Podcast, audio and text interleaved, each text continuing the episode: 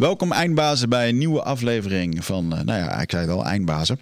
Um, we zitten vandaag in de studio met Femke Hogema, uh, auteur, meer dan 40.000 boeken verkocht, uh, de Profit First methode naar Nederland gehaald. En profit, nou, we gaan het hebben over winst. ook over haar nieuwste boek, Winstgevende Plannen. Ja, je hoort het al een beetje. Femke is gespecialiseerd in iets wat we allemaal nodig hebben in deze wereld en dat is geld. Het omgaan met geld, het verdienen van geld. En ik kijk er ontzettend naar uit om, om jullie mee te nemen op de reis uh, ja, misschien wel eh, met jullie eigen uh, money mindset en hoe dat je omgaat met geld. en is geld inderdaad zo kwaadaardig als dat sommigen denken? Of kunnen we er juist een hele hoop moois mee maken. En nog belangrijker, denk ik, het meest belangrijke wat je uit deze podcast gaat halen, of je nu ondernemer bent of niet, ook voor als je gewoon thuis lekker aan het sparen bent, is dan oké, maar hoe spaar je dan? En ik denk dat, dat deze podcast je gewoon weg heel veel gaat leren. Wat je vroeger op de basisschool had moeten leren. Uh, en wat ons gewoon niet wordt geleerd. En dat is gewoon hoe je om moet gaan met geld. Anyway, daar gaan we zo meteen heen. Uh, vooralsnog eerst eventjes een bedankje naar de sponsoren. Um, Totalseat.nl, specialist in massagestoelen. Bart is hier geweest in de studio, vond het eindbazenconcert helemaal te gek. En die heeft er onder andere voor gezorgd dat wij hier met de nieuwste apparatuur uh, nu ja, onze dingen kunnen opnemen. Um, specialist in massagestoelen. En zeker uh, nu in de coronatijd. Uh, je moet blijven bewegen, jongens. En uh, je moet ook blijven ontspannen. Dus zorg dat je eventjes bij hem op de website kijkt. wellicht vind je daar wat voor, ja, voor je lichaam. Voor de onderhoud van je lichaam. Ontzettend belangrijk. Misschien, wel, misschien nog wel belangrijker dan geld. Het onderhoud, je gezondheid. Um, Totalseat.nl en daarnaast de jongens van Gymbox.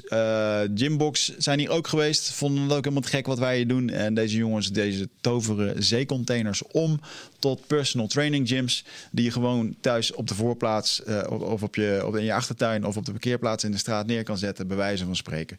En, en je aan de slag kan gaan met trainen. Ze leveren uh, dit soort boxen aan defensie-overheden, uh, politie-eenheden, maar ook gewoon personal training gyms die geen pand kunnen bouwen of mogen bouwen, maar wel bij de gemeente aankomen en zeggen: hey, luister, wij willen bij het park graag zo'n box neerzetten. Is goed voor de gezondheid van de mensen. En dan zeggen zij gewoon: oké, doe dat maar, want zo'n ding kan een dag ook weer weggesleept worden. Uh, anyway, lang verhaal kort. Uh, check die podcast ook met hun. Ze zijn hier ook geweest.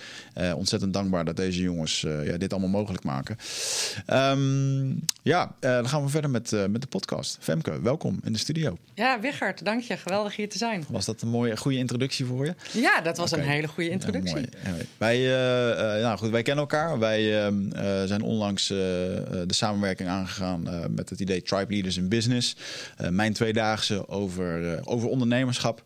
En um, wat ik daarin behandel is eigenlijk de grootste perikelen die ik uh, zelf heb ondervonden uh, in het ondernemerschap. met de pijlers winst, vrijheid en plezier. Want daar gaat het uiteindelijk om in het ondernemen. Um, toen ik dat aan het opzetten was en helemaal aan het ontwikkelen was, dacht ik eigenlijk van ja, um, maar ga ik dan nu mensen nu vertellen alles over geld? Ik weet er wel wat van. Misschien moet ik daar iemand bij halen. En nou, via via ben ik bij jou terechtgekomen. Ik heb jou een aantal keer gehoord over hoe, hoe dat je over geld praat. En uh, wat me altijd bij jou te binnen schiet, is: wat ben je toch lekker heerlijk Hollands, lekker nuchter. Uh, en ik denk dat dat nodig is, want ik denk dat de, de persoonlijke ontwikkelingsmarkt ook ontzettend vervuild is. En misschien ook wel, uh, ja, ik vind, dat, ik vind dat ik daar af en toe best wel tegen aan het vechten ben. Um, is dat die markt gewoon verpest is door de get rich quick scams en uh, drie stappen tot je eerste miljoen. En dat klinkt natuurlijk allemaal heel erg mooi, maar uh, de werkelijkheid leert gewoon dat ondernemen gewoon uh, ja, wel een vak is. En daar moet je gewoon dingen voor leren. Ja. Het wordt ons niet geleerd. En gelukkig ben jij met, jou, met jouw missie bezig om Nederland. Ja, je hebt ook echt een missie die gespecialiseerd, die ge geënt is op, op het stuk omgaan met geld, toch? Ja, precies. Ja. Wat is dat? Mijn missie is echt oprecht dat ik geloof dat als alle ondernemers in Nederland, misschien wel wereldwijd. Mm -hmm. um, een financieel gezond en winstgevend bedrijf bouwen. Dat, dat we met elkaar de wereld een stukje mooier maken. En ja. uh, dat is een hele diep gewortelde missie. Um, want ik kan mezelf zelfs nog raken door het gewoon hardop te zeggen. Weet je, het gaat echt om. Er is zoveel weerstand tegen geld. En zoveel ondernemers zeggen. Ja, maar ik wil gewoon mijn ding doen. Ik wil mensen helpen. Ik wil ziekte genezen. En uh, geld ik wil het niet over geld hebben. Daar heb ik een boekhouder voor. Als ik maar doe waar ik goed in ben, dan volgt het geld vanzelf. En dat is echt, dat doet me echt pijn als ik dat hoor. En ik denk, oh mensen, maar als je als het geld nou gewoon vrij zou stromen en in grotere stromen binnen zou komen, dan kun je toch nog veel beter jouw doelen waarmaken. Dus dat is echt mijn grote missie. Ja, ja het, is een het is best wel bijzonder dat als je kijkt naar uh, de gezondheid van de mens, dan is het, uh, het, het eerste wat wij nodig hebben als mens is zuurstof. Er wordt ons ook niet geleerd hoe dat je moet ademen. Hè. Half Nederland ademt verkeerd vanuit de schouders, zit continu in die stressmodus, wordt daar ook ziek van. En voor ondernemen is de zuurstof gewoon het geld. Ja. Dus je gaat ondernemen omdat je het spannend vindt, omdat je het leuk vindt om te creëren. Um, maar je bedrijf weet niet goed hoe dat het moet ademen. Ja. En, uh, en die zuurstof die je kan creëren door meer geld te verdienen, ja, dat uh, een hele hoop problemen. Um, die we horen op dat soort. Uh, jij op je eigen evenementen, ik op mijn evenementen. Is wat is nu het grote probleem? Ja, dit en dat is het probleem. Oké, wat zou het oplossen? Ja, meer omzet. Ja. Oh, Oké, dus je moet meer geld verdienen. Ja. hoe ga je dat dan doen? En, en een hele um, interessante hierin is ook het stukje. Um, je, je, boek heet al zo winstgevende plannen. Um, dat, we draaien wel heel graag heel veel omzet, maar over winst willen we het niet over hebben, weet je wel. Ik hoor op verjaardagen heel snel, ja, eerste jaar goed gedraaid, zoveel, uh, zoveel ton omzet, zoveel ton dit. Oké, okay. Wat, wat, houdt er onderaan de streep over, weet je? Oh, er gaat zoveel mis daar. Ik weet ook de, de business coaches die zeggen uh, um, dat ze een programma hebben om je te helpen om een ton te verdienen. Ja. En die combinatie van woorden, een ton verdienen, want ze bedoelen daarmee een ton omzet draaien en ze zeggen een ton verdienen, daar kan gewoon kwaad van worden. Dan denk ik, dat is, dat is hoe we onszelf misleiden. We hebben het over een ton verdienen. Het gaat over omzet maken. En niemand heeft het erover wat er dan onderaan de streep overblijft. Ja. Er zijn zoveel misverstanden als het gaat om geld. Want het, het is precies wat jij zegt. Um, ondernemers die zeggen: ja, eigenlijk zou ik wel wat meer moeten verdienen. Maar in plaats van dat ze daar een plan voor maken en dat gaan leren managen, steken ze hun kop in het zand. En dan ben ik even zwart-wit, hè? Ja. Maar steken ze hun kop in het zand en hopen ze dat het vanzelf goed komt als ze maar gewoon nog harder hun best gaan doen in de dingen die ze al kunnen. En um, ik geloof wel in, het, in dat je je kwaliteiten moet neerzetten. Maar puur alleen maar doen waar jij goed in bent of waar je gepassioneerd in bent, dat is geen onderneming. Dat is gewoon een hobby. Ja. Dat is geen onderneming. Ja, ja. Is uh, ondernemen iets wat je kan leren? Ik geloof dat het iets is wat je kan leren. Ja, ik denk. Het is een inter interessante discussie of een interessant onderwerp, omdat ik ook geloof dat ondernemerschap vraagt wel bepaalde eigenschappen. Um, bijvoorbeeld een eigenschap van optimisme, mm -hmm. um, een eigenschap van doorzetten, een eigenschap van mogelijkheden zien. Um, en ik denk dat sommige mensen die van nature wat meer hebben als anderen. Maar ik geloof wel degelijk dat je ook die eigenschappen kunt ontwikkelen. Ja. En ik, het vraagt ook gewoon hele concrete kennis en vaardigheden. En die is natuurlijk overal te vinden. Ik bedoel, omzet is niet iets wat vanzelf komt. Dat moet je gewoon managen. Klanten komen niet vanzelf. Dat kun je gewoon managen. Je kunt gewoon zorgen dat je klanten krijgt. Maar ook winst is niet hopen dat het vanzelf goed komt. Dat moet je gewoon managen. En dat kun je allemaal leren. Ja. Ja. Wat, um, uh, als je nu kijkt naar uh, uh, jouzelf als ondernemer, wat heeft jou ertoe gedreven tot die missie? Want je, ik neem aan dat je niet zomaar bent gaan ondernemen en hierop kwam. want vaak leren we andere mensen waar we zelf de grootste moeite mee hebben gehad. Is dat in jouw geval ook het, het geval geweest? Um vaak leren we andere mensen kennen waar we de grootste. Oh, nee, we leren we, dingen. Leren, ja, ja, ja, Hetgeen wat wij in de wereld inbrengen, dat zijn vaak onze eigen ja, obstakels. Nou, dat is, dat is denk ik ook deels zo. Ik denk dat het voor mij een heel interessant pad is geweest. Ik, uh, ik kom uit een heel sociaal nest. Mijn vader was directeur van een kinderthuis en mijn moeder was docent op de sociale academie. En toen ik 17 was, ben ik een jaar als exchange student naar Amerika gegaan. En meteen daarna zou ik naar de middelbare school gaan. En het was eigenlijk een soort van logisch dat ik in, het, uh, in de voetsporen van mijn ouders zou volgen. Dus ik stond ingeschreven om naar de sociale academie te gaan, want ik zou jeugdhulpverlening gaan doen. En vlak voordat, het, uh, voordat mijn um, HBO-opleiding startte, uh, reed ik met de bus door Arnhem en reden we langs, was dat op dat moment nog echt zo'n echt zo'n statig gebouw in Arnhem, hoger economisch administratief onderwijs. En dat was het moment waarop ik tegen mijn ouders zei: ik ben van gedachten veranderd. Ik ga naar de HAO. En mijn ouders wisten niet eens wat het was, de HAO. En hadden ook zoiets van, wat, wat, wat moet je daar? En um, dat was eigenlijk mijn start van mijn ja, het financiële pad in. En ik heb altijd wel iets met geld gehad. Als kind al. Uh, mijn vader had, als hobby fietsen verkopen. En als kind um, uh, ging, vroeg ik aan hem van hoeveel fietsen heb je verkocht, maar ook hoeveel heb je ze dan voor ingekocht. En dan maakte ik grafiekjes van zijn winst. En dan was ik tien of zo. Dus ik heb altijd wel iets met geld en winst maken gehad. En dat is echt, ja, heb ik echt in de wereld gezet toen ik naar de HEO ging en daar naar de financiële hoek in ging. En um, mijn eerste mijn eerste jaar had ik vieren voor boekhouden. Want ik snapte er helemaal niks van, van boekhouden. Ik begreep echt niet het hele idee van debit en credit. Ik snapte het doel niet. Ik begreep niet wat ik ermee moest. En, uh, en dat is wel mijn kracht geworden, omdat ik me zo goed kan verplaatsen in dat mensen, ondernemers, maar überhaupt mensen geld lastig vinden. Um, niet snappen wat ze ermee moeten. Hmm. Geen zin hebben om het te managen die, die uh, fiscale regels zijn natuurlijk een drama. Ik kan me er zo goed in verplaatsen. Ook dat je boekhouder een andere taal spreekt. Van wat, wat, wat moet je nou met zo'n man of vrouw? Ik snap dat heel goed. En ik denk dat dat uiteindelijk ook mijn kracht is geworden. Ik kan me heel goed verplaatsen naar uh, hoe denkt een ondernemer? Waar komt hij vandaan? En van, daar vandaan dan het gesprek over geld gaan voeren en niet vanuit de boekhoudkant. Ja. Dus ja, ik, ja. Dat is een beetje mijn, mijn start, mijn achtergrond. En waar het in essentie vandaan komt, ik weet niet. Ik heb echt iets met geld. En uh, dat ligt misschien nog wat dieper dan ik nu weet. Ja. ja. Waarom vindt een uh, groot deel van de boekhouders jou vervelend? en een hele hoop zijn er ook blij met jou, omdat jij ze ook les geeft. En uh, het is een groot deel van je klantengroep. Ja. Maar er is ook een groep die, ja. die moeite heeft met. met nou ja, ik, ik, simplificeer alles. En dat vinden, vinden mensen heel lastig. Um, uh, ik, ik, ik, leer boekhouders bijvoorbeeld ook... Um, inzicht is belangrijker dan juistheid.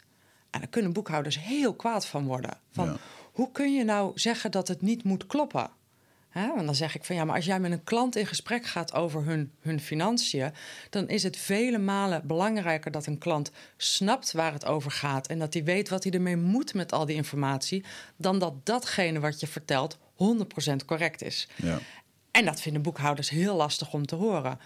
Um, dus dat, en, en een andere is, uh, er, zijn, er, zijn, er zijn zoveel boekhouders die, um, die geen echt contact kunnen maken, geen verbinding kunnen maken met de ondernemer. En het voortdurend hebben echt alleen maar over de inhoud en eigenlijk ook over de geschiedenis. En ik zeg tegen boekhouders van ja, maar de geschiedenis bestaat ook niet meer in boekhoudland. Je moet het gaan hebben over de toekomst van, van de, de, de doelen van een klant. En, uh, dus ik, ik schop daar wel tegen heilige huisjes. Ja. ja. ja. Want um, uh, als, je, als je nu kijkt naar. Um, um, wat is de grootste fout die een ondernemer maakt bij het kijken naar een boekhouder? Wat is de meest voorkomende? Oh, de, de, de allergrootste fout is en dat, dat is ook een irritatiefactor van me. Ik zoek een goedkope boekhouder. Wie kan mij uh, een advies geven? Ja. Dat is echt in hetzelfde trant van... ik zoek een auto, welke auto moet ik kopen? Dan, dan zegt iedereen ook, uh, sorry, ja. weet ik veel. Weet je, hoeveel geld heb je? Wat wil je ermee? Wat is je doel met die auto? Waar, waar dient die ja. voor? Waar hou je van? Dat is zelden met boekhouders. Alleen maar op zoek gaan naar de goedkoopste boekhouder... slaat helemaal nergens op. Je gaat... In mijn ogen moet je op zoek naar... oké, Waar sta je met je bedrijf? Waar sta je met je doelen? En wie kan jou het beste helpen om jouw doelen, jouw ondernemersdoelen te bereiken? Um, ja, en dan heb je ja. nog ongeveer 100 vragen die je moet stellen. Ja, ik ja. even terugkijken naar mijn eigen ondernemerscarrière, waar ik ook begon met een. Uh, ah, voor dat moment was het de juiste boekhouder, maar je merkt al snel dat op het moment dat je dan gaat groeien, dat het niet meer de juiste boekhouder was. Dus, weet je, in, tien jaar tijd heb ik er nu drie, vier versleten. Ik heb nog meer, ja. en, uh, ja. Uh, en dan uh, iedere keer krap ik mezelf wel eens achter mijn oren van wauw. En dan op een gegeven moment heb ik ook, ik ben vaak, je moet altijd zelf verantwoording nemen over wat gebeurt. Uh, afgelopen jaar is het echt super misgegaan met, met de boekhouder. En dan kan je dan boos op worden naar de boekhouder of wat dan ook. Maar uiteindelijk, ja, jij bent ondernemer. maar ik had dus niet, ik had dus niet het voldoende inzicht nee. om er op tijd achter te komen. Ja. Um, die fout die ligt bij mij. En is een dure fout geweest. Maar uh, goed, het stelt jou scherp voor een volgende. Maar het is wel, als ik daar een hele concrete tip uh, in mag geven. Een van de dingen is. Er zijn nog steeds boekhouders die onvoldoende geautomatiseerd zijn. Er zijn nog steeds boekhouders die zeggen stuur ieder kwartaal je bonnetjes maar op. En zelfs via Dropbox vind ik nog niet digitaal genoeg. Hè? Ja. En een van de allergrootste tips is. Nou, laat ik, er, laat ik er twee van maken. De eerste is: zorg dat, het, dat je boekhouding eigenlijk volledig geautomatiseerd is en altijd bij. Dat betekent dat je een bonnetje meteen naar je boekhouding moet mailen. Dus niet naar een Dropbox of in een map nieten of zo. Dat soort onzin. Dat is echt niet meer van deze tijd. Ja. Dus een bonnetje moet naar de boekhouding gemaild worden. Nou, alle boekhoudpakketten, bijna alle boekhoudpakketten kunnen dat. En ehm, eh, dus in die zin moet dat, en ook als je een verkoopfactuur maakt, moet dat meteen in de boekhouding zitten. Dat moet niet daarna nog een keertje worden toegevoegd. Dat moet allemaal aan elkaar gekoppeld zijn. Dat vraagt een, een initiële tijds- en geldinvestering. Maar dat verdien je in zo'n rap tempo terug. Ik, ik doe mijn boekhouding moeiteloos, durf ik te zeggen, omdat het gewoon altijd bij is. Ik heb nooit achterstanden. Ja. Ehm, dat is de eerste. En de tweede is ehm, eh, een, selecteer een boekhouder opdat hij met jou kijkt naar waar wil jij heen, wat zijn jouw doelen en hoe kan ik jou helpen om je doelen te, te bereiken. Ehm, want zodra een boekhouder alleen maar gaat praten over ehm, de geschiedenis, hè, dus eh, de jaarrekening van vorig jaar of eh, processen, welk boekhoudpakket hij mee werkt of waar je je uren moet invoeren. Dat is in alle eerlijkheid allemaal niet relevant. Tuurlijk, dat moet er wel zijn, maar dat mag niet hetgene zijn waar het gesprek over gaat. Dat moet een soort van fundament onder het huis zijn. Als jij met een aannemer in gesprek gaat over een nieuw huis, dan weet de aannemer heus wel dat er een fundament onder jouw nieuwe huis moet liggen. Maar hij gaat met jou praten over die openslaande tuindeuren die je wil. Hij gaat het niet met je hebben over de kwaliteit van het beton. En zo moet een boekhouder ook het met jou hebben over wat je wil en niet over de kwaliteit van het beton. Ja, ja. Ja. Ja. ik denk dat de digitale revolutie van eh, boekhoudsystemen, als je kijkt hoeveel dat er in tien jaar tijd is veranderd, is echt heel veel. Ja, En eh, ook heel erg ontzorgend. Ja. Ehm, eh, ik merkte zelf dat ik nog wel eens het ding had van ja, sommige boekhouders werken dan weer niet met een bepaald systeem. En ik snap ook wel, een timmerman werkt met zijn eigen gereedschap. Ehm, maar ik merkte wel dat dat. eh, als ondernemer zijn, dan vond ik het ook wel eens vervelend, weet je wel. Dat het gewoon, eh, waarom moet het altijd zo moeilijk? En ehm, ik denk dat de. ehm, ik werk nu trouwens met Exact, wat op zich wel, ik vind een prima systeem. ik werk er ook mee. Grappig, want ik, ik, ik, ik koos bijvoorbeeld een systeem op dat het er ook mooi uitzag. Ik vond bijvoorbeeld Moneybird vond ik heel relaxed. Vond ik echt heel eh, esthetisch, zag dat er prima uit Ja, en zo. ja.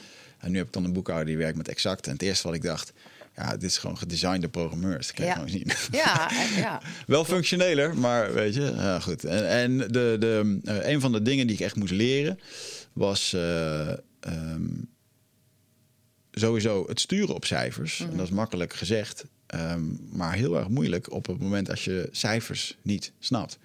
ja. Als je ze niet kan lezen. Ja.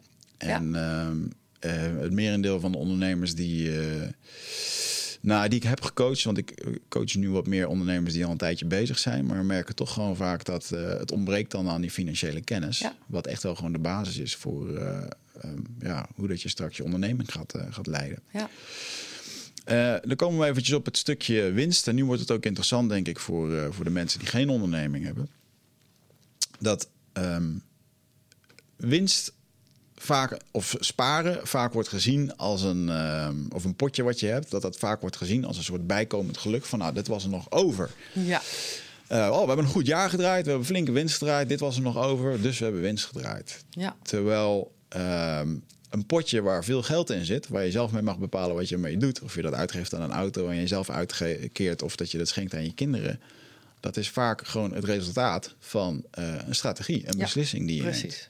Precies. Eh, en dat geldt ook zo voor winst. Eh, zou jij dat eens kunnen toelichten in jouw eigen? Ja, dat doe ik. En, en ik denk dat het mooie is, want dat, dit is inderdaad zowel voor ondernemers als voor gewoon niet-ondernemers super relevant. En, en wat het mooie is, voordat mensen nu denken: oh jee, we gaan nu allemaal over complexe strategische financiële dingen hebben.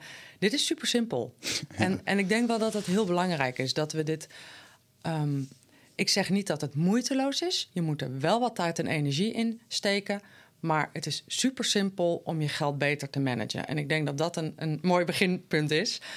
Ehm, en het is precies wat jij zegt, Wigert. Een groot probleem met geld en met winst, en of het nou winst is of spaargeld, is dat dat het restje is wat hopelijk overblijft. En um, in, in ondernemerschap is dat letterlijk de formule. Hè? De formule hoe winst berekend wordt is: je maakt omzet. En omzet is dat wat je krijgt van klanten als je iets verkoopt. Dan uh, betaal je alle rekeningen, de leveranciers, de salarissen, uh, gewoon de telefoonrekening, uh, betaal je allemaal. En dan hoop je dat daar onderaan de streep wat winst overblijft. En zo doen ook heel veel ondernemers, doen letterlijk op die manier, voeren ze hun bedrijf. Ze maken omzet en dan gaan ze alle rekeningen betalen. En uh, de klein, som, sommige kleinere ondernemers kijken dan ook pas of er geld over is om zichzelf een salaris uit te betalen. Dus hun eigen inkomen maken ze afhankelijk van de vraag of er aan het eind van de maand nog wat geld over is. En uh, dat is niet in mijn ogen wat ondernemerschap is. Als je het even op uh, particulieren betrekt, dan is het hetzelfde. Je hebt een, een inkomen, een salaris, en uh, betaal je alle, alle rekeningen. En als er dan aan het eind van de maand wat overblijft, nou, dan zou je dat in theorie kunnen sparen. Maar het probleem is dat er eigenlijk nooit wat overblijft. Het is gewoon allemaal op. En eh, daar, dat, is de, dat is Parkinson's Law, de wet van Parkinson. Die heeft dat uh, eigenlijk beschreven in eerste instantie in de vorm van tijd. Parkinson's Law zegt: we, we benutten de beschikbare ruimte. En dat betekent dat als je een week hebt voor een project, dan heb je de hele week nodig. En op vrijdagmiddag om vijf uur lever je je project op. Maar komt er iets tussen waardoor ineens blijkt dat je maar tot en met woensdag hebt, dan red je het ook. Want dan ga je efficiënter werken. Je laat je minder afleiden door social media en andere dingen. Maar je gaat ook minder misschien overdreven onderzoek doen. Je gaat minder uitzoeken van hoe heb ik dat vorige keer gedaan of hoe doen anderen dit. Um, en je, je, je bereikt dan in minder tijd exact dezelfde of soms zelfs betere resultaten. Nou, dat kent iedereen. En ik noem altijd het voorbeeld van heb, je ooit, heb, je, heb jij ooit een salarisverhoging gehad, Wichert? Jazeker. Ja. Jazeker. Ja. En kun je nog eentje herinneren, een salarisverhoging die je ooit hebt gehad? Eentje kan ik heel goed herinneren. Ja, Kun, je even voor, kun je geven, aanzeggen, aangeven hoeveel geld die verhoging was? Was dat 100 gulden, 100 euro om en nabij? Dat was uh, drie keer zoveel als dat ik verdiende. Oh, oké. Okay. Dat is misschien een heel groot Ik had een, uh, een, con een, concurrent aanbod gekregen die, uh, die had zonder te vragen wat ik eerst verdiende. Okay. heeft hij mij gewoon een aanbod gedaan. Toen dacht ik, hey, daar kan ik drie keer zoveel verdienen. Dus dat heb ik toen neergelegd en toen was dat gedaan. Maar anderzijds uh, is het ook wel eens gebeurd inderdaad dat je dan 150 euro extra kreeg. Maar laten we even kijken wat er gebeurt. Want die, die, die drie keer zoveel geld. Hè? Laten ja. we even voor het gemak zeggen dat je eerst 1000 had en toen 3000. Dat rekent makkelijk. Ja. Had je dan die 2000 uh, de komende maanden, al, had je die dan steeds over? Uh, ja, dat is misschien niet helemaal de juiste. Ja, dat is misschien een beetje ik begon op een gegeven moment zoveel te verdienen dat ik het gewoon niet opkreeg. Oké. Okay. Um, dat is ook leuk, maar. Maar um, laten we wel wezen, toen ik bijvoorbeeld een keertje 250 euro meer of 150 euro mee kreeg, ja, die ging gewoon op. Die ging gewoon op. Kijk, ja. als ik dit vraag in een zaal met 100 mensen, dan zijn er altijd twee mensen die zeggen: Ja hoor, dat had ik over. Hmm. En dan denk ik: Ja, geweldig. Weet je, er zijn een paar mensen die dit gewoon van nature heel goed managen. Maar 98 mensen die zeggen: uh, Nee, dat geld was gewoon op. Ja. En dat is wat er ook gebeurt met geld. Als het er is, is het op. Als je een tientje in je portemonnee hebt, is het de dag daarna weg. Magisch. We maken het gewoon op. En dat is gewoon hoe menselijk gedrag werkt. Um, dus als je dat je realiseert, dan is het eigenlijk heel raar dat we op die manier ons geld wel proberen te managen, onze winst proberen te maken. Dus de beste manier om dit te omzeilen is... Um, kijk, we kunnen dus nu zeggen van... dan moet je dus je anders gaan gedragen. He, dan, ga je, dan krijg je dat vingertje erbij. Je moet beter op je geld gaan letten. Maar dat werkt niet, want menselijk gedrag veranderen... nou, dat weet jij als geen ander. Dat is echt, dat, dat is echt nog niet zo makkelijk. Mm. Het kan wel, maar het is niet super makkelijk. Wat veel makkelijker is, is om het systeem te veranderen. Dus de beste manier om meer winst te maken... of de beste manier om meer geld over te houden... is dat bedrag wat je aan winst of aan spaargeld wil overhouden meteen opzij te zetten. En dat is ook dus hoe de Profit First methode werkt. Maar je kunt het ook perfect met privégeld doen. Op het moment dat jij je geld binnenkrijgt, of dat nou is dat de klanten jou betalen of dat je je salaris binnenkrijgt, haal je een deel daarvan eraf en zet je op een aparte rekening. En als je begint, dan moet je niet te groot beginnen. Dan begin je misschien eens met 1%. Of misschien begin je met 10 euro of met 100 euro. Ik, kan natuurlijk niet in de portemonnee van mensen kijken. Dus je moet zelf even kijken... hoeveel geld kan ik nou missen... zonder dat meteen um, alles vastloopt. Want als je zegt dat geld zuurstof is en je onttrekt heel veel zuurstof uit je bedrijf, ja, dan gaan al die radertjes vastlopen. Maar ook privé, dan kun je de hypotheek niet meer betalen, kun je geen boodschappen meer doen. Dus je moet niet te veel eruit trekken. Maar je kunt gewoon kijken van hoeveel geld kan ik nou bij aanvang al opzij zetten. Dat zet ik letterlijk op een aparte bankrekening. En als ondernemer is dat een winstrekening. En als particulier is dat een spaarrekening of misschien een specifieke doelrekening. Stel je voor dat je op wereldreis wil. Dan maak je dat je wereldreisrekening.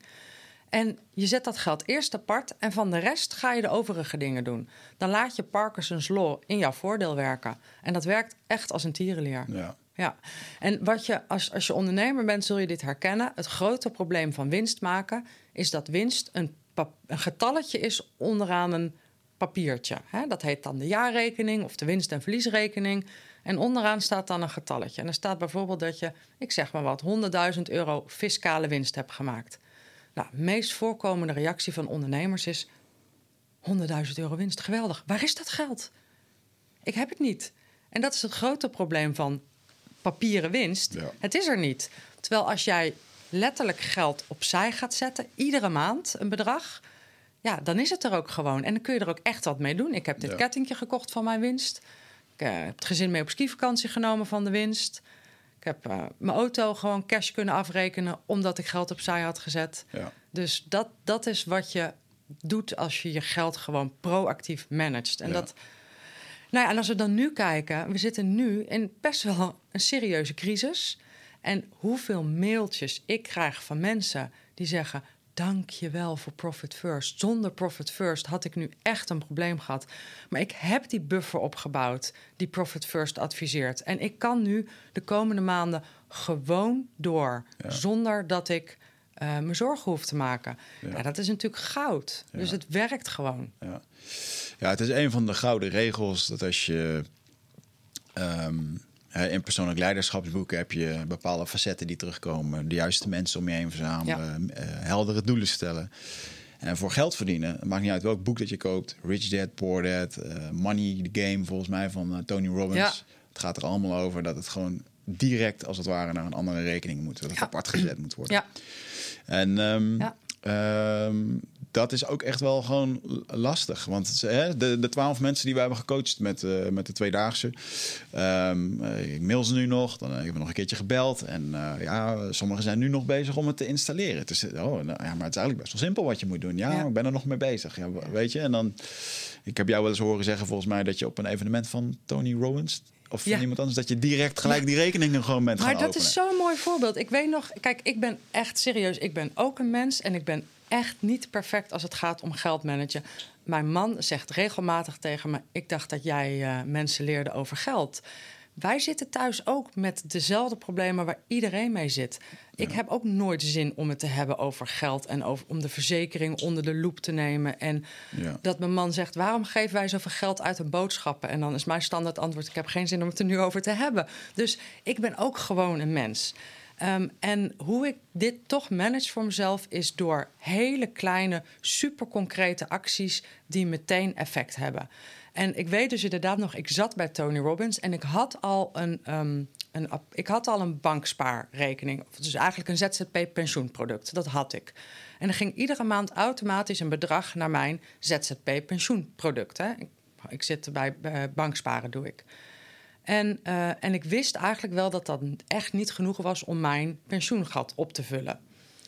Maar ja, dan zit je, dat zullen heel veel mensen herkennen van ja, maar ja, uh, ik, ik, weet niet of ik wel geld heb om er meer, uh, meer heen te doen. En dus ik deed eigenlijk niet zoveel. Ik was wel blij dat daar gewoon iedere maand wat geld heen ging. En ik zat bij Tony Robbins met 10.000 andere mensen in een gigantische zaal. Het ging over geld. En op dat moment heb ik gewoon mijn appje geopend en heb ik, volgens mij was het bedrag 300 en heb ik daar ter plekke 700 van gemaakt. Ik heb gewoon op dat moment mijn maandelijkse storting verdubbeld.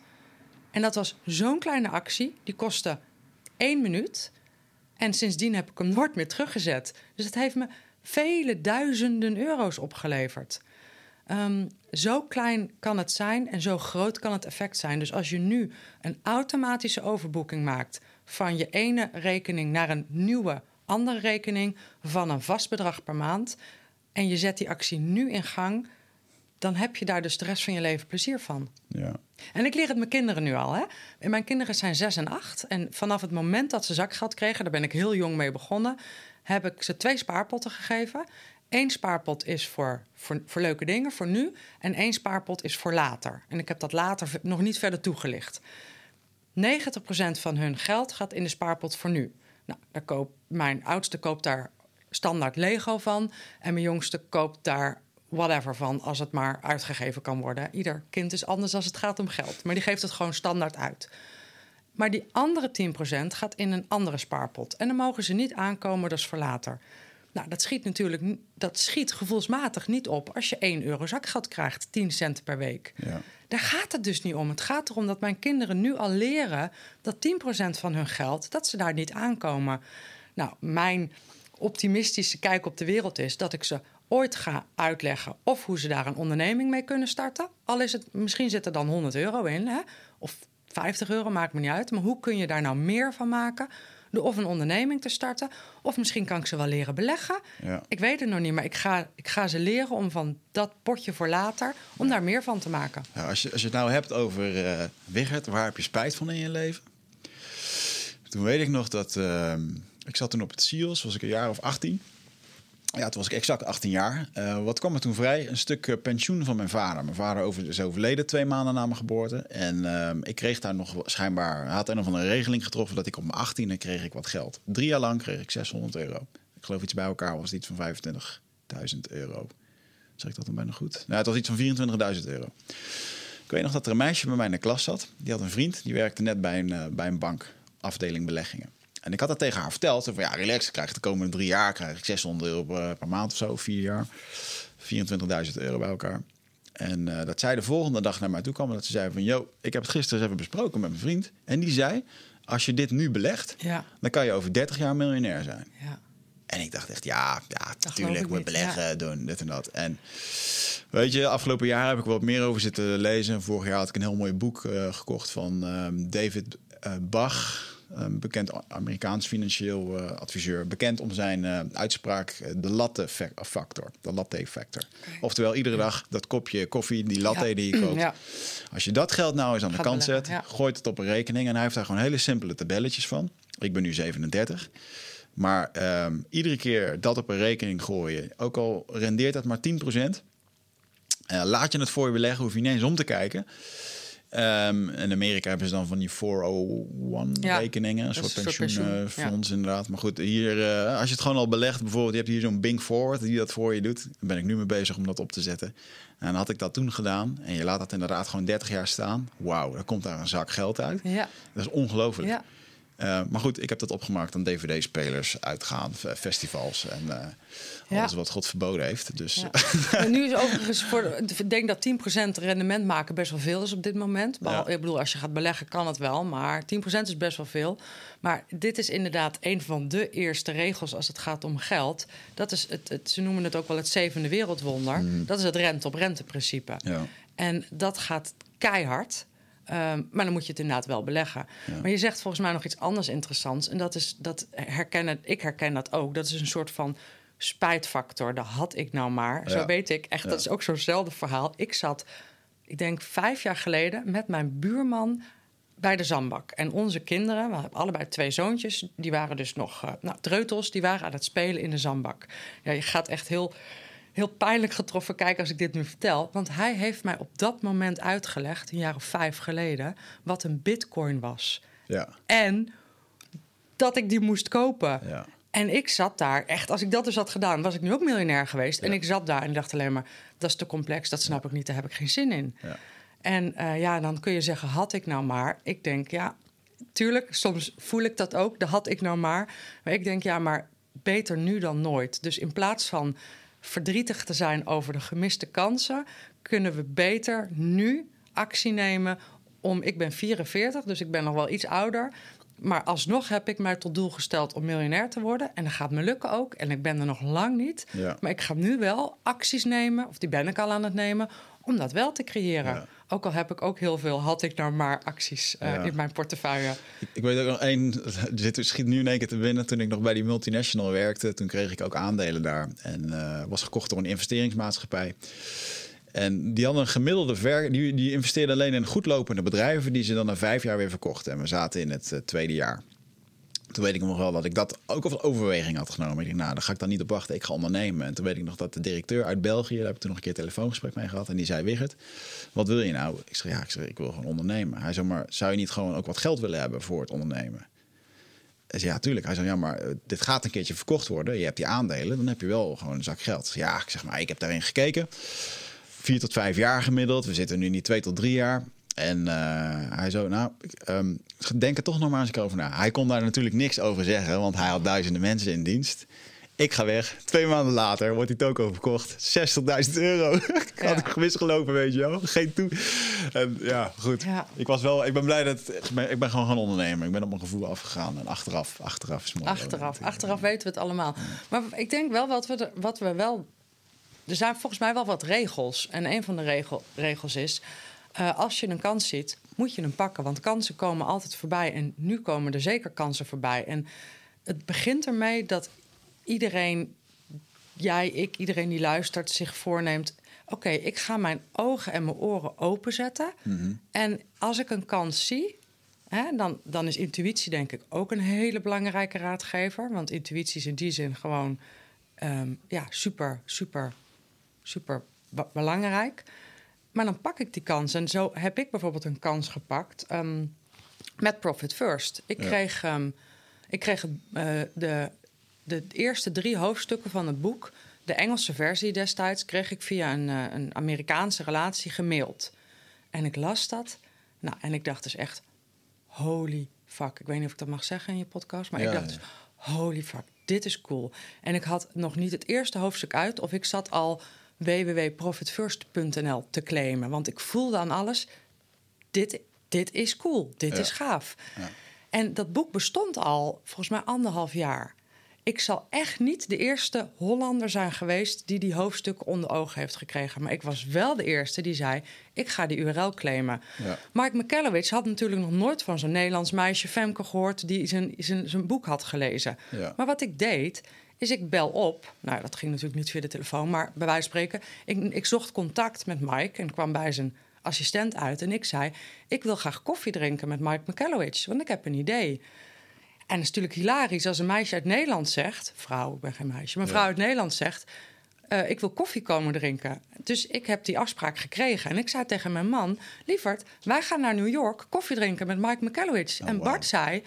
nou, strak plan. Dus wij zijn naar New York gegaan. Ja. En dat was mijn eerste keer New York. New York in 24 uur was dat. Kun je hoop doen trouwens. Ja. Heel pijnlijk hoe New York er nu bij ligt, maar dat terzijde.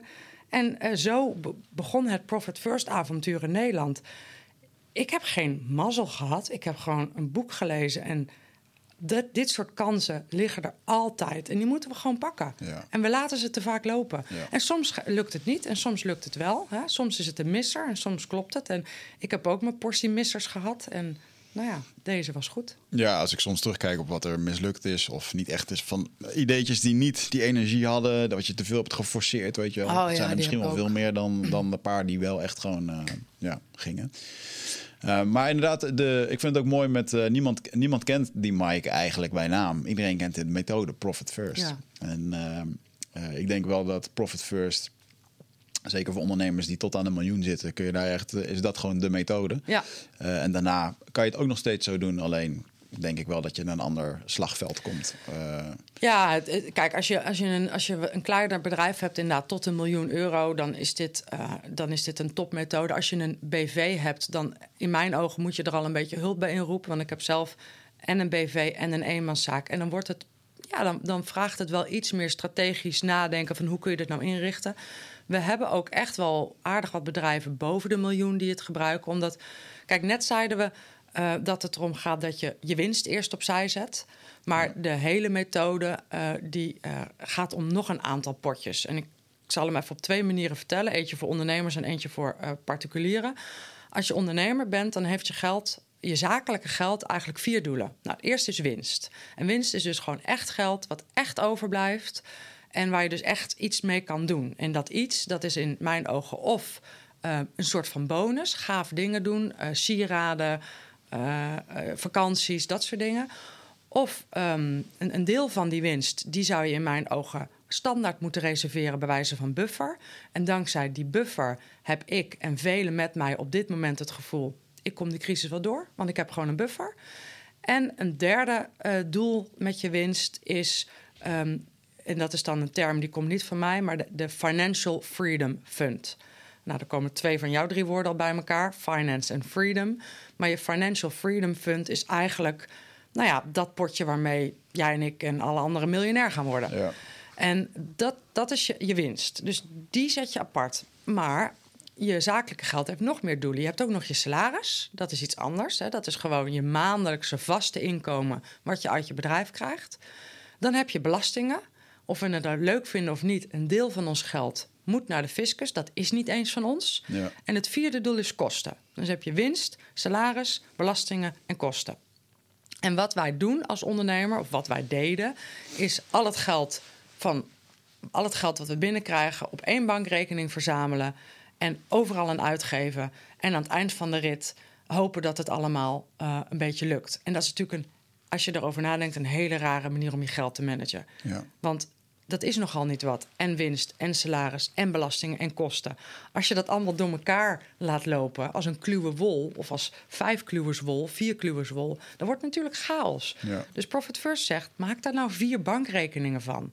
Een bankrekening voor de winst, een bankrekening voor je salaris, eentje voor de fiscus en eentje voor de kosten. Dan heb je het gewoon gemanaged. Dan heb je in één oogopslag zicht op je geld. Nou, dat is voor ondernemers. En als je particulier bent, kun je exact hetzelfde doen. Je kunt gewoon naar je geld kijken en laten we voor het gemak zeggen dat je maandelijkse inkomen 1000 euro is. Dan zou je kunnen zeggen: hé, hey, de helft hiervan heb ik gewoon echt nodig voor vaste lasten. De hypotheek, um, uh, gaswaterlicht, gewoon vaste lasten. Misschien heb je dan nog 300 euro nodig voor boodschappen en andere necessities. Uh, dan zitten we op 800. En dan um, hebben we nog 200 over. Dan zou je misschien 100 willen gebruiken voor uh, leuke dingen. Uitgaan, uh, cadeautjes. En dan, nou ja, ik weet natuurlijk niet wat jouw doelen zijn. Maar zo kun je van tevoren nadenken over de doelen van je geld. En je kunt gewoon je salaris laten gewoon verdelen over die verschillende bankrekeningen. Ja. ja. en een van de dingen die wij hebben gedaan, uh, is we hebben bijvoorbeeld een uh, potje onderhouds van het huis gemaakt. Want iedere vijf jaar zaten we weer te kijken naar, oh, dan moet de schilder komen. Ja, kost 5000 euro. Waar gaan we dat van betalen? Ja. Dat is eigenlijk heel simpel. Als je iedere maand een paar tientjes opzij zet, merk je het niet. En heb je na vijf jaar 5000 euro. Ja. Geen graantje pijn. En zo kun je dat zo makkelijk managen. Ja. Wat ik een hele interessante theorie vond van uh, een Amerikaanse meneer die ik volg, eh, Grant Cardone, echt een biljonair. Die uh, heeft iets van 3000 huizen, maar geen, die heeft geen eigen huis gekocht. Oh ja. Want net wat jij nu vertelt, die 5000 euro voor dit, voor de tuin, voor de, voor de oprit, voor het dak, dat moet gefinancierd worden. En dat kost dus geld. En hij zegt gewoon, nee, je moet een huis altijd huren waar je zelf in woont. Hij vindt het ook gezond dat je veel beweegt. Nou, of dat je af en toe verhuist, want dan hè, dat geeft nieuwe energie en nieuwe dingen. Maar buiten dat, gewoon financieel gezien, als je het verhuurt, dan komt er geld binnen. Uh, natuurlijk hou je daar ook wat geld van over, moet ook gedaan worden. Maar er komt altijd meer geld binnen dan dat eruit gaat. En met een eigen huis, en dat is misschien uh, ik, ik, vond het heel interessant. Hij noemt het letterlijk de illusie die ons is aangeleerd. Van je koopt je eigen huis en dat betaal je dan zo snel mogelijk af. En dan, dan, heb, je daar, dan heb je daar ervan af. Maar het, kost, het blijft alleen maar geld kosten. En dat is precies ook de, de, de boodschap die Rich Dad Poor Dad geeft. Dat is uh, Kawasaki. Mm -hmm. ja, Roberto, ja. Robert, Robert Kawasaki. Nou, Kawasaki inderdaad. Rich Dad Poor Dad. Dat hele boek gaat eigenlijk ook daarover. Dat, dat zegt, we hebben de illusie van bezit. Ja. Uh, maar een huis is voor 99% van de mensen geen bezit, maar een schuld. En het hele idee van Rich Dad Poor Dad is dat je dus echt bezit moet gaan bouwen. En echt bezit, dat, zijn, dat, is, dat is bijvoorbeeld, um, uh, uh, hoe heet dat? Uh, vastgoed, wat vrij is van hypotheek. Maar dat is echt bezit. Ja. Of aandelen of bedrijven waar je eigenaar van bent. Dat is echt bezit. Maar een hypotheek is een schuld. Ja. En Nou, dan dan ben ik altijd een beetje trots dat ik dus nu al mijn kinderen... Ik, ik geef af en toe gastlessen op de school van mijn kinderen. En hoe jong ze ook zijn... Mijn jongste van zes, die weet echt al dat dat huis waar wij in wonen... dat daar een hypotheek op zit. En dat, weet je, dat, dat weten ze al. Dat wil ik ze gewoon nu al leren. Want Ja. de ellende is zo groot bij eh, pubers... die eh, die 10.000 euro schuld hebben omdat ze hun avatars van hun games willen aankleden met de hipste hoedjes en jasjes en schoentjes. En de, de telefoonrekeningen die de pan uitreizen, daar komen dus echte schulden uit. En er zijn dus jonge kinderen van, van 15 jaar die al schulden hebben, omdat ze niet weten hoe dat met geld werkt. Ja. Ja. dat doet me gewoon pijn. Dus ik, heb, ik maak er dus ook een ding van om, als het enigszins kan, gastles te geven op school. Van, nu van mijn kinderen, maar misschien op een gegeven moment wel andere scholen. Ja. Dan hoe ga je met geld om? En dan laat ik ze dus spelen met potjes en met muntjes. En dan laat ik ze geld verdelen. En ja, dat, Ja. dat, dat nou ja, vandaar ook, ja. Ja, slim. Ik Ja. denk dat, eh, want heel veel ouders hebben er ook natuurlijk geen kaas van Nee. gegeten. Nee. Eh, je wordt natuurlijk ontzettend beïnvloed met eh, ja, dat, dat gedachtegoed van je, van je ouders. En, daar, en daar begint het weer, Gert. Want het gaat dus mis. Als ik dan, en dan ben ik een beetje zwart-wit, maar het gaat dus mis omdat te veel mensen een, ehm, een hele negatieve emotie hebben bij geld. En dat is niet zo raar, maar we zijn allemaal opgevoed. We hebben allemaal of ouders, of verzorgers, of leerkrachten, of nou, op een andere manier mensen in onze nabije omgeving. En die hebben ons boodschappen gegeven over geld. En als, als Hollander krijgen we allemaal de boodschap mee: doe maar gewoon, dan doe je al gek genoeg. Eh, als je voor een dubbeltje geboren bent, word je geen kwartje. Is er ook eentje die heel veel mensen kennen. Of wat dacht je van, jij bent een vrouw, de man moet voor het geld zorgen en jij voor de kinderen. Eh, al dat soort boodschappen, die hebben wij meegekregen. En als we vanuit, vanuit die mindset ook onze eigen kinderen weer gaan opvoeden in geld... dan krijgen die dus ook, weet je, ook bijvoorbeeld een, een- een, een uitdrukking als... het geld groeit hier niet aan de boom. Ja. Dat is een pijnlijke uitdrukking, want daardoor leer je kinderen schaarste aan. Dus ik leer mijn kinderen, geld kun je maken. Ja. Volgens mij is dat een veel prettiger overtuiging dan geld groeit niet aan de boom. Ja. En mijn kinderen die zijn nu nog wel zoekende naar hoe kan ik dan geld maken. Ja. Maar ik probeer ze dat wel te leren. Geld kun je maken. Dat Ja. vind ik echt beter dan geld groeit niet aan de boom. En als wij ons bewust worden van... hé, hey, wat geloof ik eigenlijk over geld... en hoe beïnvloedt dat mijn dagelijkse acties...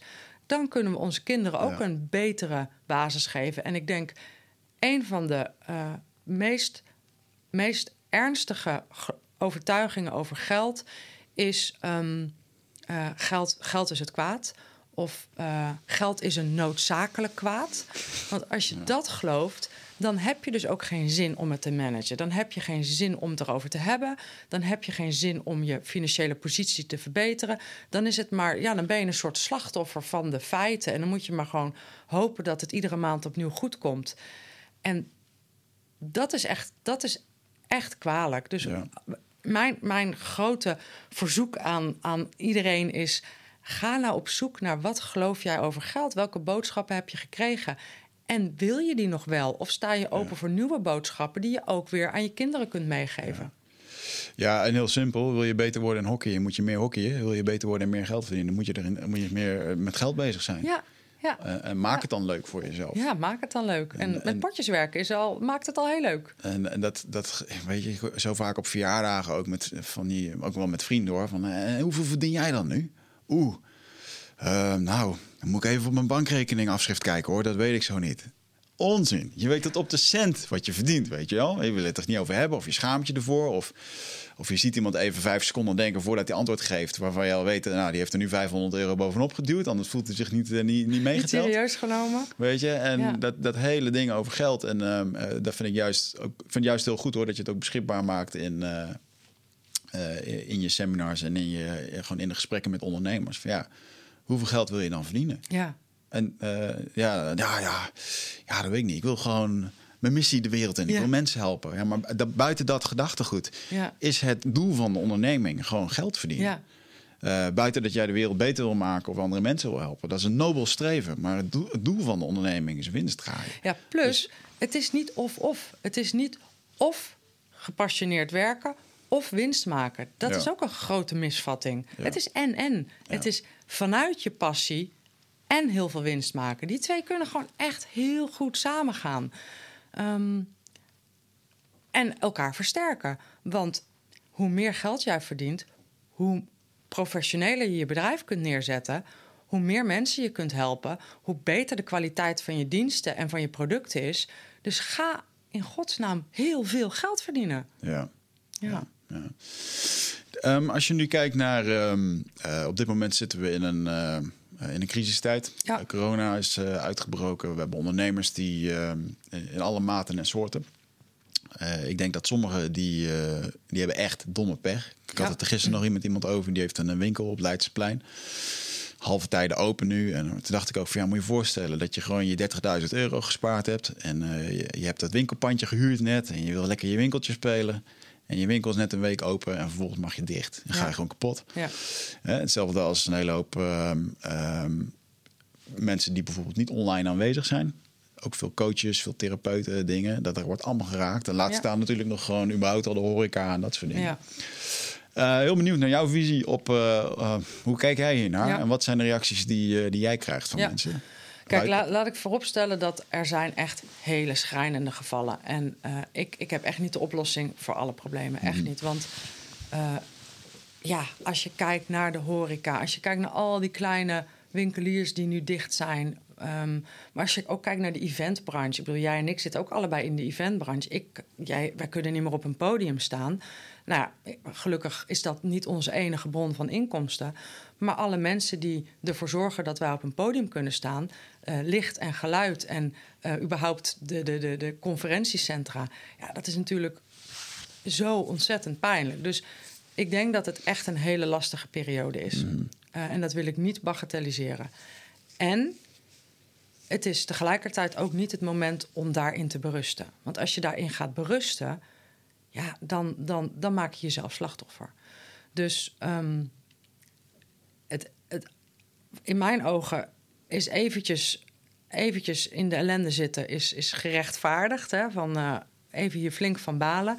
En dan moet je ook jezelf een schop onder je kont geven en doorgaan. Ehm, en het zit, hem, zit hem volgens mij in een aantal dingen. Het eerste is, ga ervoor zitten en ga echt in kaart brengen hoe is je financiële situatie als je het moeilijk hebt.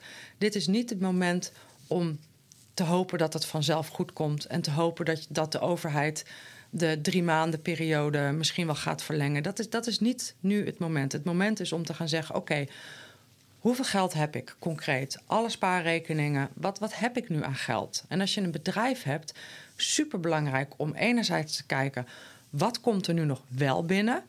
Dus wat, wat komt er gewoon nog binnen omdat ik nog onderneem, omdat ik nieuwe dingen ga verzinnen? Maar ook, minstens zo belangrijk, welke kosten gaan er nu iedere maand uit?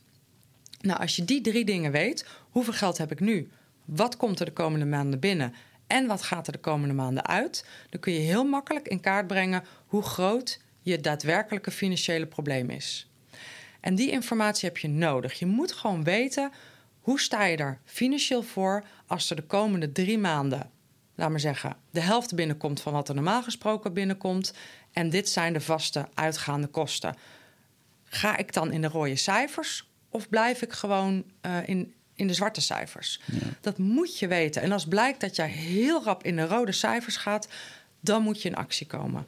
En die actie kan betekenen dat je heel rap kosten gaat um, schrappen. Bijvoorbeeld um, leveranciers gaat stoppen met bepaalde diensten. En dit is natuurlijk een hele lastige, want je kunt wel zeggen: ja, maar als ik dat doe, heb ik geen bedrijf meer. Maar tegelijkertijd, als je het niet doet, ga je failliet. Dus je moet in actie komen. En je hebt eigenlijk dan maar een aantal knoppen waar je aan je kunt draaien.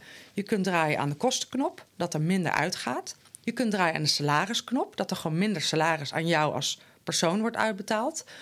Um, je kunt draaien aan de inkomstenknop. Er moet gewoon meer geld binnen gaan komen. Of je kunt draaien aan de overheidsknop of de, de, de bankknop. Hè. Dus dat je um, um, geld van de overheid krijgt, dat je BTW of belastinguitstel realiseert. Mm. Of misschien zelfs dat je een, een tijdelijke lening moet aanvragen.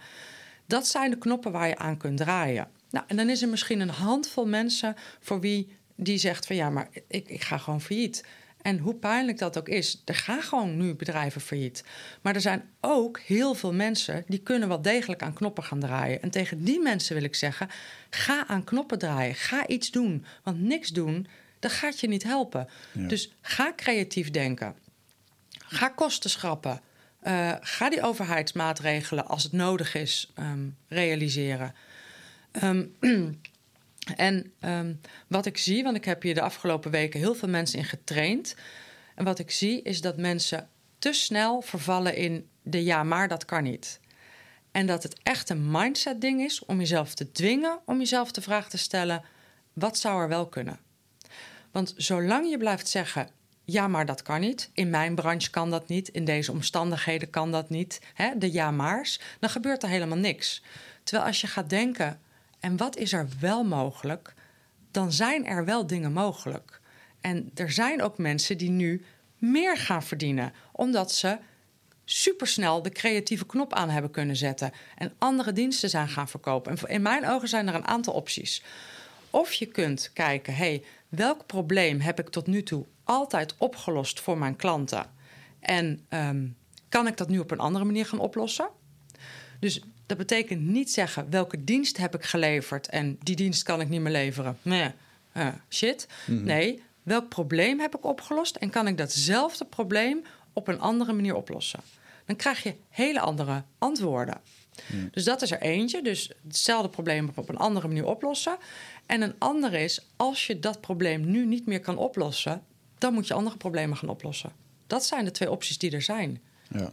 En sommige bedrijven kunnen supergoed hetzelfde probleem op een andere manier oplossen. Hè? Bijvoorbeeld, um, uh, ik zou half mei een, uh, een, een live dag geven voor mijn klanten. Een live dag over marketing en sales. Nou, dan kan ik ontzettend balen dat die live dag niet kan doorgaan.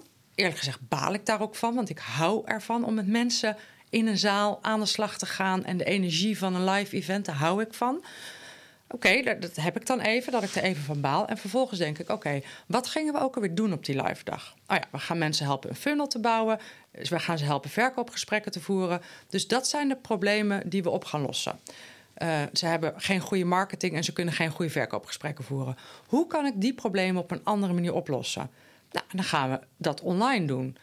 Um, dan, dat, dat is vrij makkelijk. Maar je hebt ook, denk ik, uh, dingen, problemen die je niet op een andere manier kunt oplossen. Mm Zo had ik één klant uh, in, in een van mijn webinars en die zat in de eventbeveiliging. Ja. ja, hoe creatief ik ook ben, ook ik heb niet meteen een oplossing om in de eventbeveiliging uh, nu. Dat, dat, dat probleem valt nu niet meer op te lossen, want er zijn geen events. Ja, dan is het of je gaat met jouw mensen andere problemen oplossen, want er zijn Misschien zijn er wel meer BOA's nodig, hè? Eh, bijzondere opsporingsbeambtenaren, of heet dat? Uh, Mensen die de, de, politie ondersteunen op dit moment. Misschien kunnen jouw mensen dat gaan doen. Hè? Dan ga je een ander probleem oplossen met de kwaliteiten die je in huis hebt. Ja, en als dat echt niet kan, ja, dan, dan, dan is het einde verhaal. Ja. Maar ga eerst kijken naar kan je, kan, je, kan je nog andere problemen oplossen. Ja. Ja. ja. het is lastig. En zeker voor uh, bijvoorbeeld zo'n uh, retail shop. Uh, je ziet er nu wel van die initiatieven. Ja, we doen dan nu personal shopping. Maar ja, weet je, digitaal werkt dat ook niet. En, nee. Um, ik vind het wel een, het is een uitdagende uh, tijd. Het ja. is een hartstikke... En, en ja, het is, het, is, het is een uitdagende tijd. En ja. En ik denk ook dat het... ik, hoor, ik las een hele mooie quote van de week. iedereen wil graag dat het terug dat het weer teruggaat naar het normale. Maar het normale heeft niet gewerkt. Mhm. dat, heeft, dat is nu gebleken in een hele hoop dingen. Dat, uh, het crasht nu gewoon, zeg mhm. maar. En uh, het gevaarlijke van zo'n lockdown voor de economie... als je dit nog langer wil doen... ik geloof dat in Spanje mogen dan nu wel de fabrieksarbeiders... mogen weer naar het werk toe, omdat... Als je dit gewoon nog langer doet, dan komt een land daar gewoon niet meer bovenop. Nee, nee dan komt een land gewoon tot stilstand. Ja. ja. Zit jij uh, vaak in je hoofd neem je heel veel informatie tot je video's, podcasts, boeken. Uh, nou, voel je niet schuldig, dat doen heel veel mensen natuurlijk. maar vaak zijn we op zoek naar antwoorden. Uh, gaan we nog meer informatie tot ons nemen. Terwijl ja, de antwoorden liggen toch echt in onszelf. En dat is iets wat we voelen met ons lichaam. Maar vaak zijn we zo erg in ons hoofd bezig ja, dat we dat ook niet meer, dat we daar niet meer echt goed bij kunnen. En dat is graag waar ik je voor uit wil nodigen. Voor Ride of Passage. 24, 25 en 26 mei is er weer een nieuwe editie. Voor mijn retreat voor persoonlijke ontwikkeling. Waarbij het thema echt is om uit het hoofd te komen in dat lichaam. Want dat is waar je alles ervaart. En ik wil dat je gewoon weer in contact komt met, met die, die intuïtie.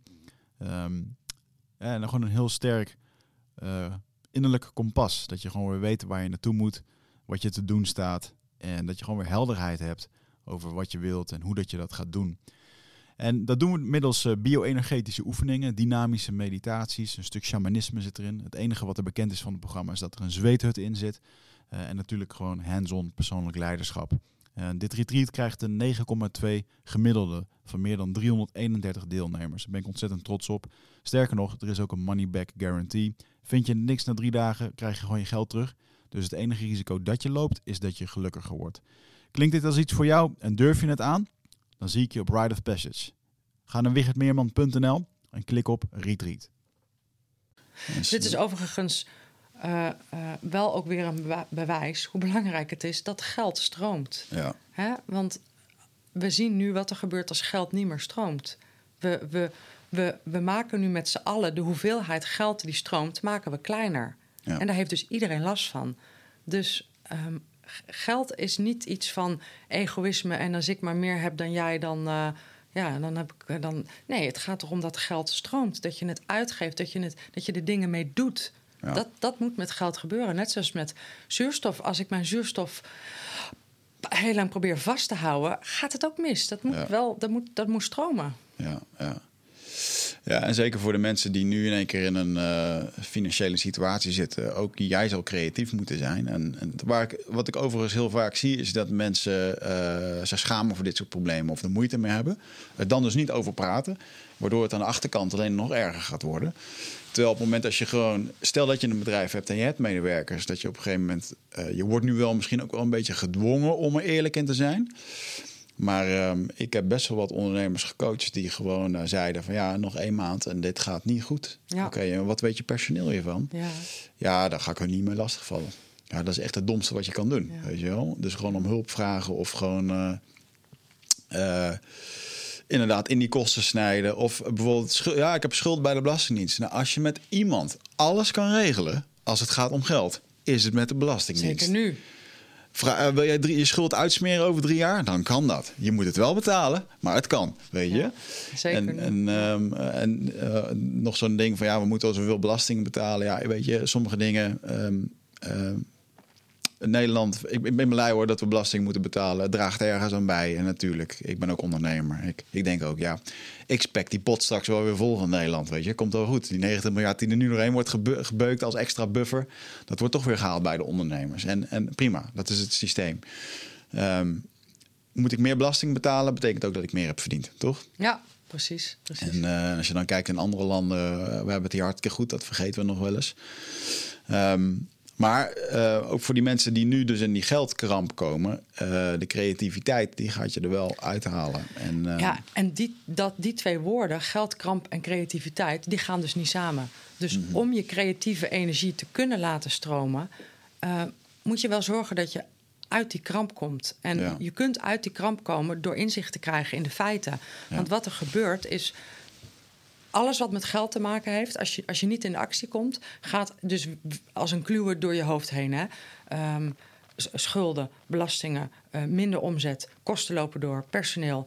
Al die informatie, boe, en wat nou als, en wat nou als over drie maanden, en wat nou als mijn partner ook. En al die informatie die gaat als een kluwer door je hoofd. Dat geeft enorm veel stress. En als je stress hebt, ga je echt niet creatief kunnen zijn. Ja. Dus door dat in kaart te brengen, op te schrijven, gewoon Excel te openen en dat gewoon erin te zetten in Excel. Wat heb ik nu? Wat komt er binnen? Wat gaat eruit? En dat per maand in kaart te brengen. Uh, dan heb je inzicht. Vanuit ja. inzicht kun je keuzes maken. En dat geeft je ook weer een heldere geest. En dan kun je ook weer creatief zijn. Ja. En dat, dat inzicht dat helpt inderdaad. Dan zou ik er nog één stap terug willen trekken. En dat is jouw, inderdaad je geloof over geld en je gevoel. Want uh, ik ken heel veel mensen die heel erg goed zijn in plannen maken, maar het iedere keer weer verkloten. Mm -hmm. En dat plan dat geeft dan even inderdaad die helderheid, maar dat komt omdat je gevoel of je energie omtrent iets, je, je, je blijft dingen op dezelfde manier doen, waardoor het fout gaat. En uh, ik merkte bijvoorbeeld bij mezelf, uh, ben ik in de afgelopen twee jaar achtergekomen. Het maakt niet uit of dat er uh, 0 euro op mijn rekening staat of 30.000. Uh, op het moment als het, als het ergens dreigt dat het geld gaat verliezen, dan schiet ik ook in een soort van kamp. Als ik 20.000 euro op de rekening heb en mijn vriendin die begint erover dat we misschien de bankenkinderen moeten vernieuwen en een nieuwe tafel en nieuwe stoelen, dan heb ik alweer zoiets van, oh, moeten we weer geld uit gaan geven, weet je wel? Terwijl ik dat, ik ben helemaal niet een, uh, ik ben niet zo'n spender. Um, sterker nog, ik denk dat ik best wel conservatief met geld om kan gaan. Uh, ik ben wel iemand die als ik iets wil, dan koop ik het gewoon. En dat is een beetje mijn gevaar. Maar uh, toen ben ik er dus achter gekomen. Hey, dus, en iedere keer als het over die discussie ging, dan heb je dat bepaalde gevoel. Het zit gewoon letterlijk in je lichaam opgeslagen. Ja, ja. En hoe dat het er is gekomen of wat dan ook. Ja. Uh, nou ja, misschien uh, wel door je vader die uh, moeilijk deed over geld. Of misschien, joh, ik heb tien maanden op een kantoor geslapen. Mijn aansprakelijkheidsverzekering werd op een gegeven moment opgezegd omdat ik geen geld meer had. en niet veel mensen wisten ervan. Ik heb, ik heb heel erg in die kamp geleefd dat ik er niemand mee lastig wilde vallen. En hopen dat het zelfs zou aantrekken en zo. En dat zijn toch, weet je... Um, dat vond ik wel een heel mooi van Michael Pilagic, wat hij mij toen gaf van advies. Toen uh, had ik dit net allemaal achter de rug, had ik dat bedrijf verkocht. En um, dan ga je opties af. En een van die opties was van, nou, van nou, misschien, moet maar maar, misschien moet ik even ergens twee dagen een baantje nemen. En toen zei hij ook, als je dat gaat doen, dan werk je binnen een jaar werk je weer vijf dagen. Want je, je, hebt nu iets meegemaakt waardoor je een soort van nou, voorzichtig bent. Mm. En als je, uh, als, je dat, als je daar nu in meegaat, dan is het klaar. Dan ben je ja. straks gewoon weer fulltime aan het werk.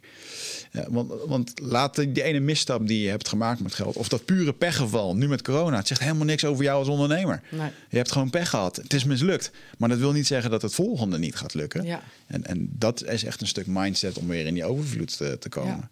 En dan heb je de mindset van overvloed. Maar dan heb je ook nog een keertje het handelen in overvloed. He, dat inderdaad, uh, zorg, eens dat je met, zorg dat je met Femke in gesprek gaat over je geld. Uh, en niet met de bank en niet met je boekhouder, maar met iemand anders. Of iemand die miljonair is. Vraag eens hoe dat hij het heeft gedaan. En ja. in plaats van uh, met je, ja, ik, ik noem altijd mijn lieve moeder als voorbeeld. Mijn, mijn moeder kan overigens heel goed met geld omgaan, maar is ambtenaar. 45 jaar voor de overheid gewerkt. Die hoef ik geen ondernemersvragen te stellen, want nee. dan krijg ik geen goede feedback. Nee. Nee. Weet je? Ja. Terwijl ik soms nog wel eens naar mijn moeder ging om bepaalde dingen dan de bevestiging van haar te vragen. Want niks is beter dan de bevestiging van je moeder. Maar weet je, soms is dat niet het juiste wat je nodig hebt. En, ja, dus zoek heel, ja. zoek heel secuur met wie je, wie je bepaalde vragen stelt. Ja, ja. dat is goed. Wie zijn jouw mentoren in dat, uh, dat uh, opzicht? Heb jij je eigen groepje? Ja, ik heb een groepje, diverse groepjes van mentoren. Uh, die zoek ik ook. ja, ik heb meerdere groepjes. Ik, kijk, mijn grote idool is Tony Robbins. En dat betekent dat ik als ik een lastige situatie heb, dat ik wel eens me afvraag: wat zou Tony Robbins doen? Hè? Dat is echt op een hele andere manier naar een situatie kijken. Ja. Dat helpt mij. Ja. Um, dan, ik heb meerdere groepjes. Ik heb een vast groepje. Um, en dat is een, een mastermind groepje met. Uh, ik ben dan uh, de enige Nederlander. De, de rest zijn zes, uh, zeven Amerikanen. En wij ontmoeten elkaar eens per maand digitaal. En dat is echt een hele gestructureerde mastermind. Um, dan heb ik nog een. we noemen dat de internationale um, PFP-groep. We hebben over heel de wereld nu een aantal Profit First Professionals organisaties. Hè? Dus Profit First Professionals zijn boekhouders, accountants en business coaches die de Profit First methode uitdragen bij hun klanten. Ja. Nou, ik was uh, in Amerika is het gestart. Ik was de eerste uh, buitenlandse nou, vestiging, zo gezegd. Daarna kwam uh, Australië en we hebben nu ook eentje in Duitsland. Idealiter is het straks wereldwijd. Maar we hebben nu dus Amerika, Australië, Nederland en Duitsland. En wij ontmoeten elkaar ook eens per maand om het hierover te hebben. Mm-hmm. Uh, en dan heb ik nog een, een WhatsApp-groep met uh, mensen van over de hele wereld. Uh, een man uit Israël en eentje uit Panama, echt ook over de hele wereld. en daar zitten echt topondernemers in. dus in het kader van spiegel je ook aan... Of omring je met, met mensen die bepaalde opzichten verder zijn dan jij. Dat is zo belangrijk. Ja. En, af, en als ik een vraag heb of een uitdaging of een probleem, dan, dan zoek ik dus ook heel secuur waar ga ik me melden. Ja. Doe ik dat in deze groep of in die groep of in die groep? En uh, uh, ja, dus, daar, dat, dus ik heb meerdere groepjes waar ik me zo mee omringd heb. Ja, het is belangrijk voor me. Je, uh, je, rijk, je, je, eigenlijk ben je een soort elastiek, hè? Zo met, je, met spiritualiteit, maar met je emoties, ja. met je fysieke gesteldheid. Je kunt het iedere keer maar zo ver oprekken. En dat geldt ook wel met geld. Ja. Ehm, maar ik merk bijvoorbeeld wel als ik dan naar Amerika ga en ik zie daar in één keer 40 mensen in de rij staan met een creditcard om 30.000 euro een mastermind af te rekenen, waarbij ze twee keer per jaar, twee weekenden op een boot samenkomen, dat ik denk, wow, ik doe iets fout, weet je wel? Uh, iedere keer als ik naar het buitenland ga, dan gaan mijn prijzen ook omhoog. Dus ja, ja, ja. Dat is een goeie. Weet je, het is wel heel grappig, hè? want Tony Robbins is een van degenen die dat echt ook uh, zegt. Um, en hoe noemt hij dat nou? Um, niet om, omring je met je... Um, ik kan even niet op het woord komen. Nou ja, ik kan even niet op het woord komen. Maar het gaat er dus om dat je je omringt met mensen die in bepaalde aspecten verder zijn dan jij. Ja. En toen ik dat voor het eerst hoorde, toen dacht ik, ja, oké, okay, uh, het zal wel. Of uh, weet je, daar hecht ik er niet zoveel waarde aan. Uh, ook de waarde aan je omringen überhaupt met waardevolle mensen. Maar ik heb dus nu De Winstadviseur, mijn um, tweede eigen boek, heb ik laten vertalen in het Engels. Ja. En nou, dat is echt wel heel tof, want er worden maar weinig boeken in het Engels vertaald. En ik heb daar een uitgever voor gevonden die dat met mij wilde doen. En we hebben dat in um, Amerika um, in, in, eerste instantie ge gelanceerd. Ja. 1 april. En um, wat ik me op dat moment realiseerde, is we hebben toen in de voorverkoop bijna 200 boeken verkocht. Toen dacht ik, wauw, 200 boeken on the large scale of de wereld is niet zoveel. Mhm. Mm -hmm. Maar dat je als Nederlandse vrouw 200 boeken in een voorverkoop verko verkoopt, dat kan dus alleen maar omdat ik die connecties, omdat ik die, die mensen in mijn omgeving heb. Ja. En dat was voor mij ook wel zoiets van eventjes een, een uh, bewustwording van... oh ja, ja, zo werkt dat dus. Zonder die relaties, zonder die connecties... had ik nooit 200 boeken in de voorverkoop verkocht. Ja, ja, dat, Ja. dat blijf ik ook zeggen. Ik ben een grote fan van Brandon Burchard. Zijn mastermind kost 30.000 euro, waar ik het net over had. Ja, En ehm, eh, hij stond op het podium toen en toen zei hij ook... hij zegt, jongens, van die 500 mensen die hier nu zitten... jullie hebben allemaal een pdfje. Daar kan ik een New York Times bestseller van maken. Puur omdat ik connecties heb en dat ik weet hoe dat, dat werkt. En ehm, eh, als ik dus ooit met mijn boek naar Amerika ga... dan eh, ben ik nu al aan het sparen om straks die 30.000 euro voor die neer te leggen. mastermind. Want dan kom ik ook met mensen die ook die investeringen hebben gedaan. En ook dat netwerk hebben. En ook die ambities hebben. En Ja, en dat, dat is het. Soms is een investering in een, in een gave groep... betaalt zich al terug, omdat je dan contacten hebt met die gave mensen. ja, Ja, ja. klopt. En ik denk dat een hele hoop mensen nu denken... ja, gaat toch geen 30.000 euro voor betalen. Het is nog nooit gebeurd. Eh, dan voel je ook de pijn. Het is nog nooit gebeurd dat ik het niet terug heb verdiend. Ja. Vroeg of laat. Ja. En eh, natuurlijk, eh, soms kreeg ik ook nog wel eens van mijn vriendin te horen... van ga je nu weer daarheen? Wat denk je daar nog nou weer te leren? Nou ja, A... Ik zie het als een APK. Het is gewoon weer even een onderhoud. Ik krijg nieuwe olie, nieuwe energie, nieuwe benzine erin.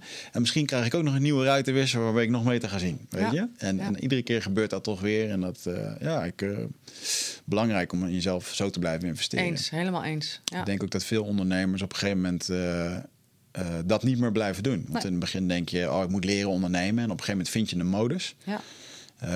En op zich is zo'n zo'n pandemie is dan ook wel weer een... ja, het haalt je wel eventjes uit, die, eh, uit de oude stof. Ja, en vergeet niet, hè. eh, kijk, je wordt nu natuurlijk om de oren geslagen met online trainingen en webinars en eh, aanbiedingen. En dat is best wel overweldigend. Ik, ik, ik vind het veel. Mhm. En tegelijkertijd heb ik dus de afgelopen twee weken al drie dingen gekocht. Ja. Omdat er wel hele goede dingen worden aangeboden. En ook mooie aanbiedingen worden gedaan. Dus ik denk, als je nu, hoe pijnlijk het ook is, niks te doen hebt. omdat je bedrijf op zijn gat ligt. ga alsjeblieft niet de hele dag zitten Netflixen. Nee. Maar nou ja, jij zei het al, blijf fit. Ga iedere dag sporten. En eh, ga, ga, ga jezelf verrijken. Ga Ja. cursussen volgen. En als je echt geen geld hebt, ga podcast luisteren.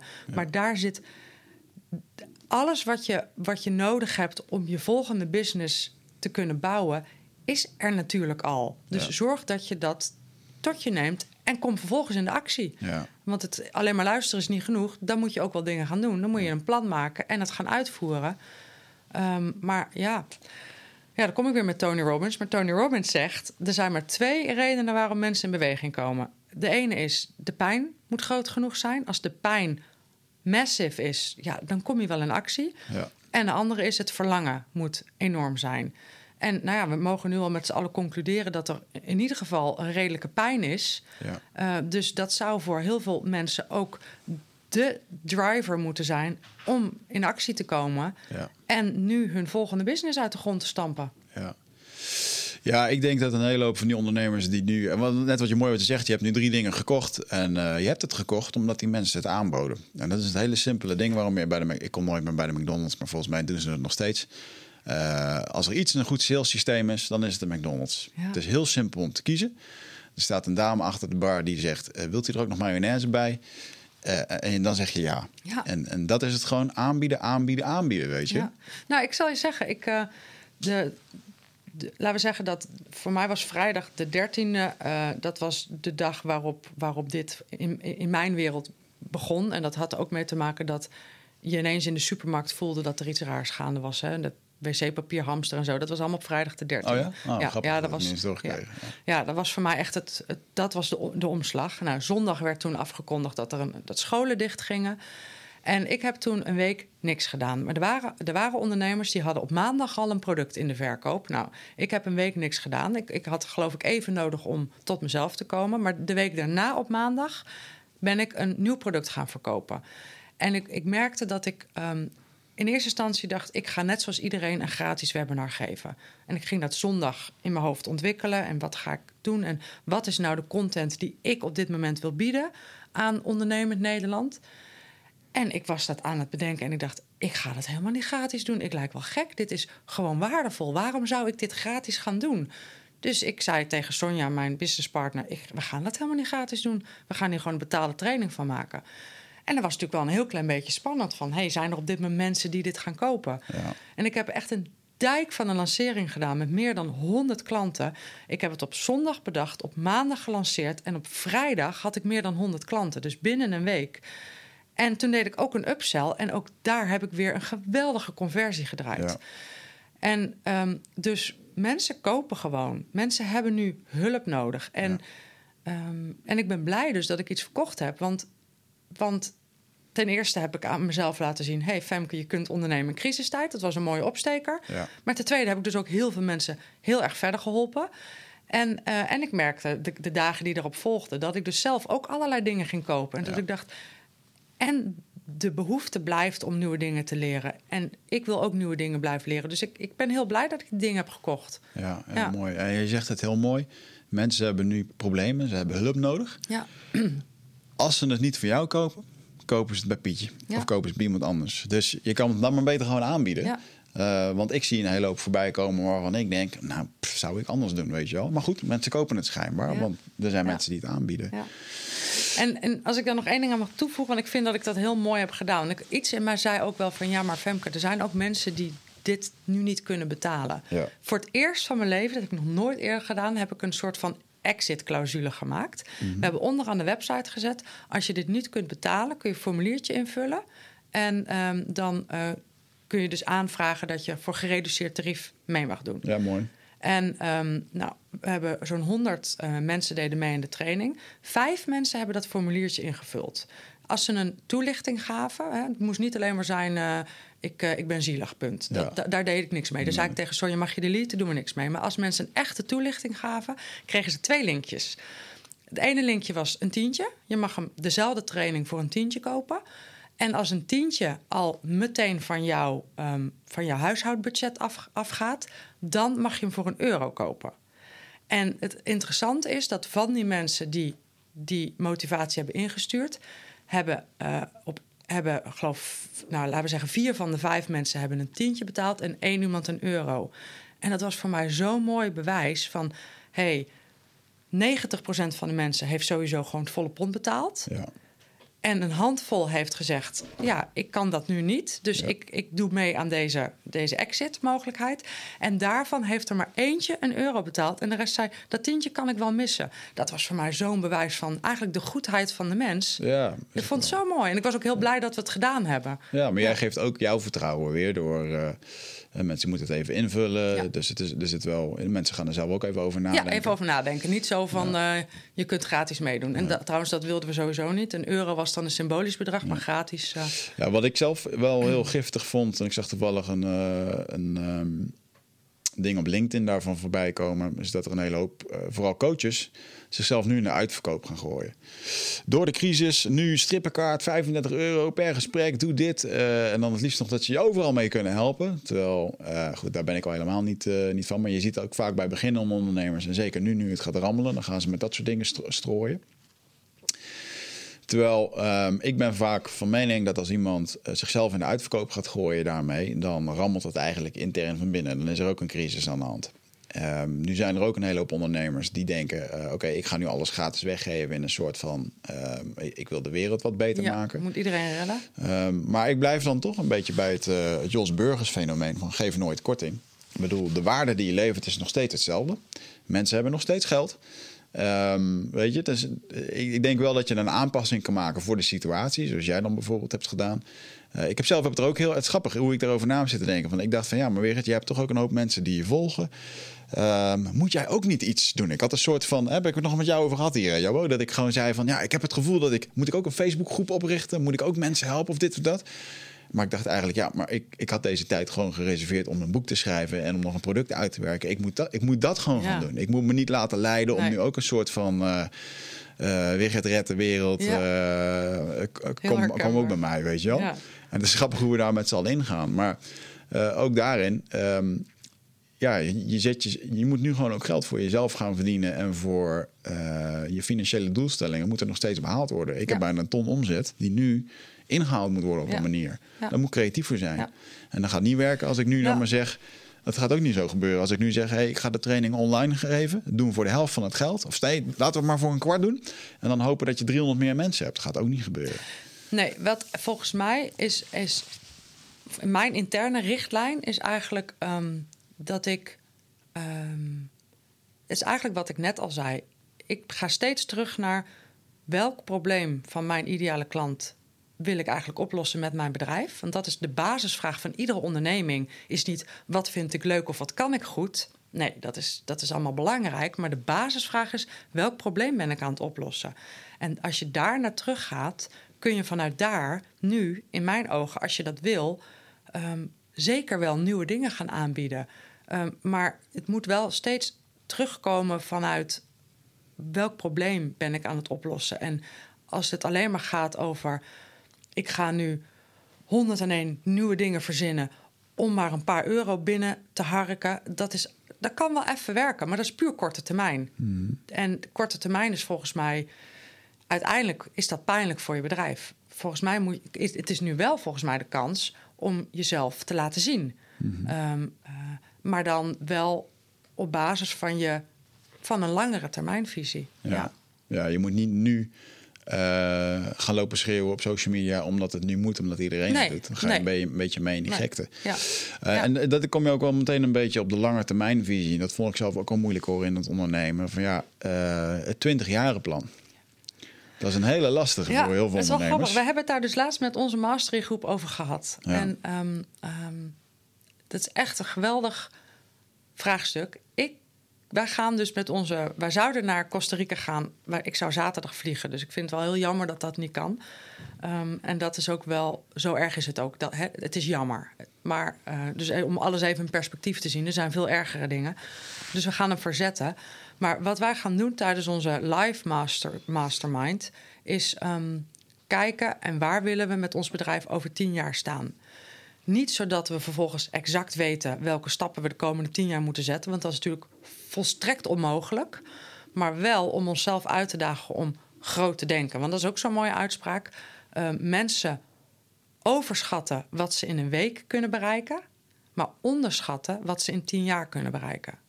Dus op het moment dat je jezelf uitdaagt om wel echt een super lange termijnvisie te formuleren. Mhm. Maar waar zou ik over tien jaar willen staan met mijn bedrijf?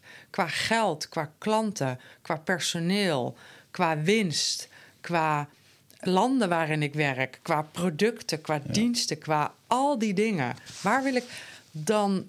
Dat is voor mij wel een uitdaging om echt groter te denken. En ik denk wel dat ik heel blij ben dat ik dat niet alleen hoef te doen. Dat ik daar dus een, een groep met ondernemers voor heb die mij misschien nog mij- mij kunnen helpen om misschien nog groter te denken. Ja. Maar zo'n langetermijnvisie, zodat je de echt nou, de de wat afgezaagde stip op de horizon hebt. Ja. Ja, is wel geweldig. Maar als het gaat over in actie komen, dan moet je die tien jaren visie echt wel terugbrengen tot Ja. de komende drie maanden. Ja. Want drie maanden is wel een beetje de max wat we kunnen eh, overzien qua actie. Dus ik maak tegenwoordig twaalf weken plannen met mijn team. Eh, dus ik maak ze samen met Sonja, we delen ze met het team. En in een twaalf weken plan staat heel concreet... wat zijn nou de vijf tot acht doelen van deze twaalf weken... die uiteindelijk ons wel bij die lange termijnvisie brengen. Ja. En dan, dan, dan is alles in, in elkaar gehaakt. Nou, zo'n Ja. 12 weken plan, daar staan dus nou, zo'n vijf, zes, zeven concrete doelen in. Echt super concreet. Hè? Van, dat je echt ook na 12 weken kunt zeggen: is het gelukt, ja of nee? Zo concreet moet het zijn. En vervolgens gaan we kijken. En wat zijn dan de acties die we wekelijks, dagelijks moeten nemen om die 12 of om die 12 weken doelen te realiseren? Ja. En dan maken we het super klein. En dat kunnen we ook met het team bespreken, zodat iedereen ook weet waar we heen gaan. En dan maak je de stap van eh, eh, werken vanuit de waan van de dag. Ja, we doen gewoon wat er op een dag op ons afkomt. Naar ja, we hebben ook een beetje waan van de dag. Daar ontkom je niet aan. En dit zijn onze 12 weken doelen. En dit zijn de acties daarbij komen kijken. En deze acties liggen bij jou. Ja. En iedere week rapporteren we hoe, hoe het gaat met die acties. Ja. Ja, de belangrijkste factor daarvoor in mijn eh, ervaring is het stukje deep work, waarin je eh, je agenda blokt voor twee uur, dedi- gewoon eh, dedicated aan iets te werken. Ja. Want dat waan van de dag is super gevaarlijk om gewoon 's ochtends je, je laptop te openen en te kijken wat, je dan, wat er het meest urgent is. En dat is altijd de inkomende mail of doe dit eventjes Ja. of zus of zo. Ja, en dat, dat, is, dat doen we allemaal. En dat leerde ik eh, van eh, boek Focus van Mark eh Tichelaar. Die heeft dat heel mooi omschreven. Mark zegt, de reden dat we allemaal 's ochtends als eerste onze laptop openklappen... is omdat, als ik het goed, goed herhaal hoor... is omdat we dan gewoon reactief kunnen zijn... en gewoon kunnen reageren op wat er gebeurt. En dat is voor ons brein veel makkelijker... dan Ja. dat we vanuit onszelf, vanuit deep work in, van, van binnen naar buiten moeten werken. Dat vraagt gewoon meer van je brein. Ja. Dus we vervallen graag in eenvoudige hersenactiviteit. Gewoon antwoorden op mailtjes is veel makkelijker. Ja. Dus eh, ja, dat is echt super belangrijk om daar, iedere, om daar in ieder geval een aantal keer per week tijd voor in Ja. te plannen. Helemaal met je eens. Daarom denk, ik, daarom denk ik dat ondernemen in dat opzicht lastig is voor veel mensen. Omdat je dan continu zelf... Ik weet nog dat ik de eerste week dat ik ondernam... dat ik dacht, wow, ik moet nu overal zelf achteraan zitten. Want normaal was ik gewoon die salesgast die gewoon dat contract tekende... met een mooi praatje. En dan zat ik al achter mijn stoel en dan flikkerde ik het zo hup, over naar de, naar de customer support... van jongens, regel het even, weet je wel. En nu moest je dat dan zelf doen. Ja, Eh, ja, dat is wel heel eh, eh, confronterend voor het. eh, maar goed, daar, ja, als je dat leuk vindt en je gaat die uitdaging aan, dan is het ondernemen kan echt zo ontzettend veel vrijheid geven. geweldig. Ja. En ehm, eh, daar hebben we het eigenlijk nog niet eens echt over gehad. Ehm, want we gaan vaak ondernemen omdat we passie hebben, omdat we iets tof vinden. En we willen er ook nog wat mee verdienen. Nou, dan heb je het dus over plezier en winst. Maar dan heb je inderdaad ook nog het stukje vrijheid. En dan merk je eigenlijk, naarmate we meer gaan ondernemen, ehm, dat we die vrijheid niet meer hebben. Heel veel bevriende ondernemers en ik zelf af en toe ook. En dan, hey, hoe gaat het? En dan probeer ik nooit te zeggen dat ik druk ben, want dan ben je ook iets niet goed aan het doen. Maar vaak merk ik toch, wow, met de afgelopen drie weken zijn wel echt weer voorbij gegaan. In een soort van tornado heb ik gezeten. ja. En ehm, eh, ja. Ja. die vrijheid die ehm, creëer je deels natuurlijk gewoon door je gedachten en door je eigen mindset als het ware. Eh, maar je kan ook echt wel gevangen zitten in het, eh, in het systeem wat je zelf hebt gebouwd in je eigen bedrijf. Hoe bewaar eh, jij je vrijheid? Wat is, Ja, ik, ben echt heel blij om te zien dat dat steeds beter lukt. Ehm, en voor mij is vrijheid is een bedrijf creëren wat ook kan draaien zonder mij. Dat is voor mij echt de vrijheid. Want ik denk eerlijk gezegd, wat jij zegt is helemaal waar. Hè? De meeste ondernemers die zeggen: Ik word ondernemer zodat ik vrij ben. En dan bedoelen ze dat ze de vrijheid hebben om hun eigen klanten te kiezen, hun eigen tijd in te delen, hun eigen geld te verdienen en te behouden. Ja. En in werkelijkheid is dat dus niet wat er gebeurt. In werkelijkheid eh, moeten ze te hard werken voor te weinig geld. Nemen ze alle klanten aan die er langskomen uit angst om geld mis te lopen. En eh, hebben ze helemaal geen tijd meer om eh, de kinderen naar bed te brengen. En dat is de werkelijkheid. En Nou, die ken ik natuurlijk ook. Ik, ik ken het ook dat ik wel te druk ben en dat ik te hard moet werken en dat ik altijd werk. En mijn man zal zeggen: Ja, maar je werkt nog steeds hartstikke veel. En het is ook waar. Ik heb gisteravond ook nog tot, uh, tot tien uur zitten werken. Ja. En tegelijkertijd ervaar ik wel de echte vrijheid in die zin dat mijn. Ik heb nu twee bedrijven en um, uh, een van die twee die draait echt. Die draait door, ook als ik niks doe. En dat betekent dat er ook geld binnenkomt ook als ik niks doe. En dat betekent dat ik bijvoorbeeld op skivakantie ben geweest in eh, februari. Uh, met, met z'n vieren, met het gezin. En dat ik uh, in de auto op weg naar Oostenrijk mijn mail van mijn telefoon heb gegooid. En een dag later ook Facebook van mijn telefoon heb gegooid. Kennelijk was dat nog moeilijker dan de mail. Daar moest ik ja. nog een dag over doen. Maar oké, okay, is ook gelukt. En dat ik een hele week dus niks heb gedaan aan het werk. Er is één kwestie geweest die uh, Sonja, um, dus mijn businesspartner, via de WhatsApp naar me toestuurde van sorry, maar hier kom ik niet uit. Eentje. En, en dan zeiden mensen toen ik terugkwam, ja, je zult nu wel heel hard moeten werken, want je bent een week weg geweest. En zei ik, nee, is ja. gewoon, alles is gewoon doorgegaan. En dat is volgens mij vrijheid. En de enige, en dan heb je ook nog zoiets als financiële vrijheid. En dat is volgens mij dat ik uiteindelijk het liefste uh, een situatie wil creëren waarin ik niet meer hoef te werken voor mijn geld. Uh, nou, daar ben ik nog lang niet, maar working on it.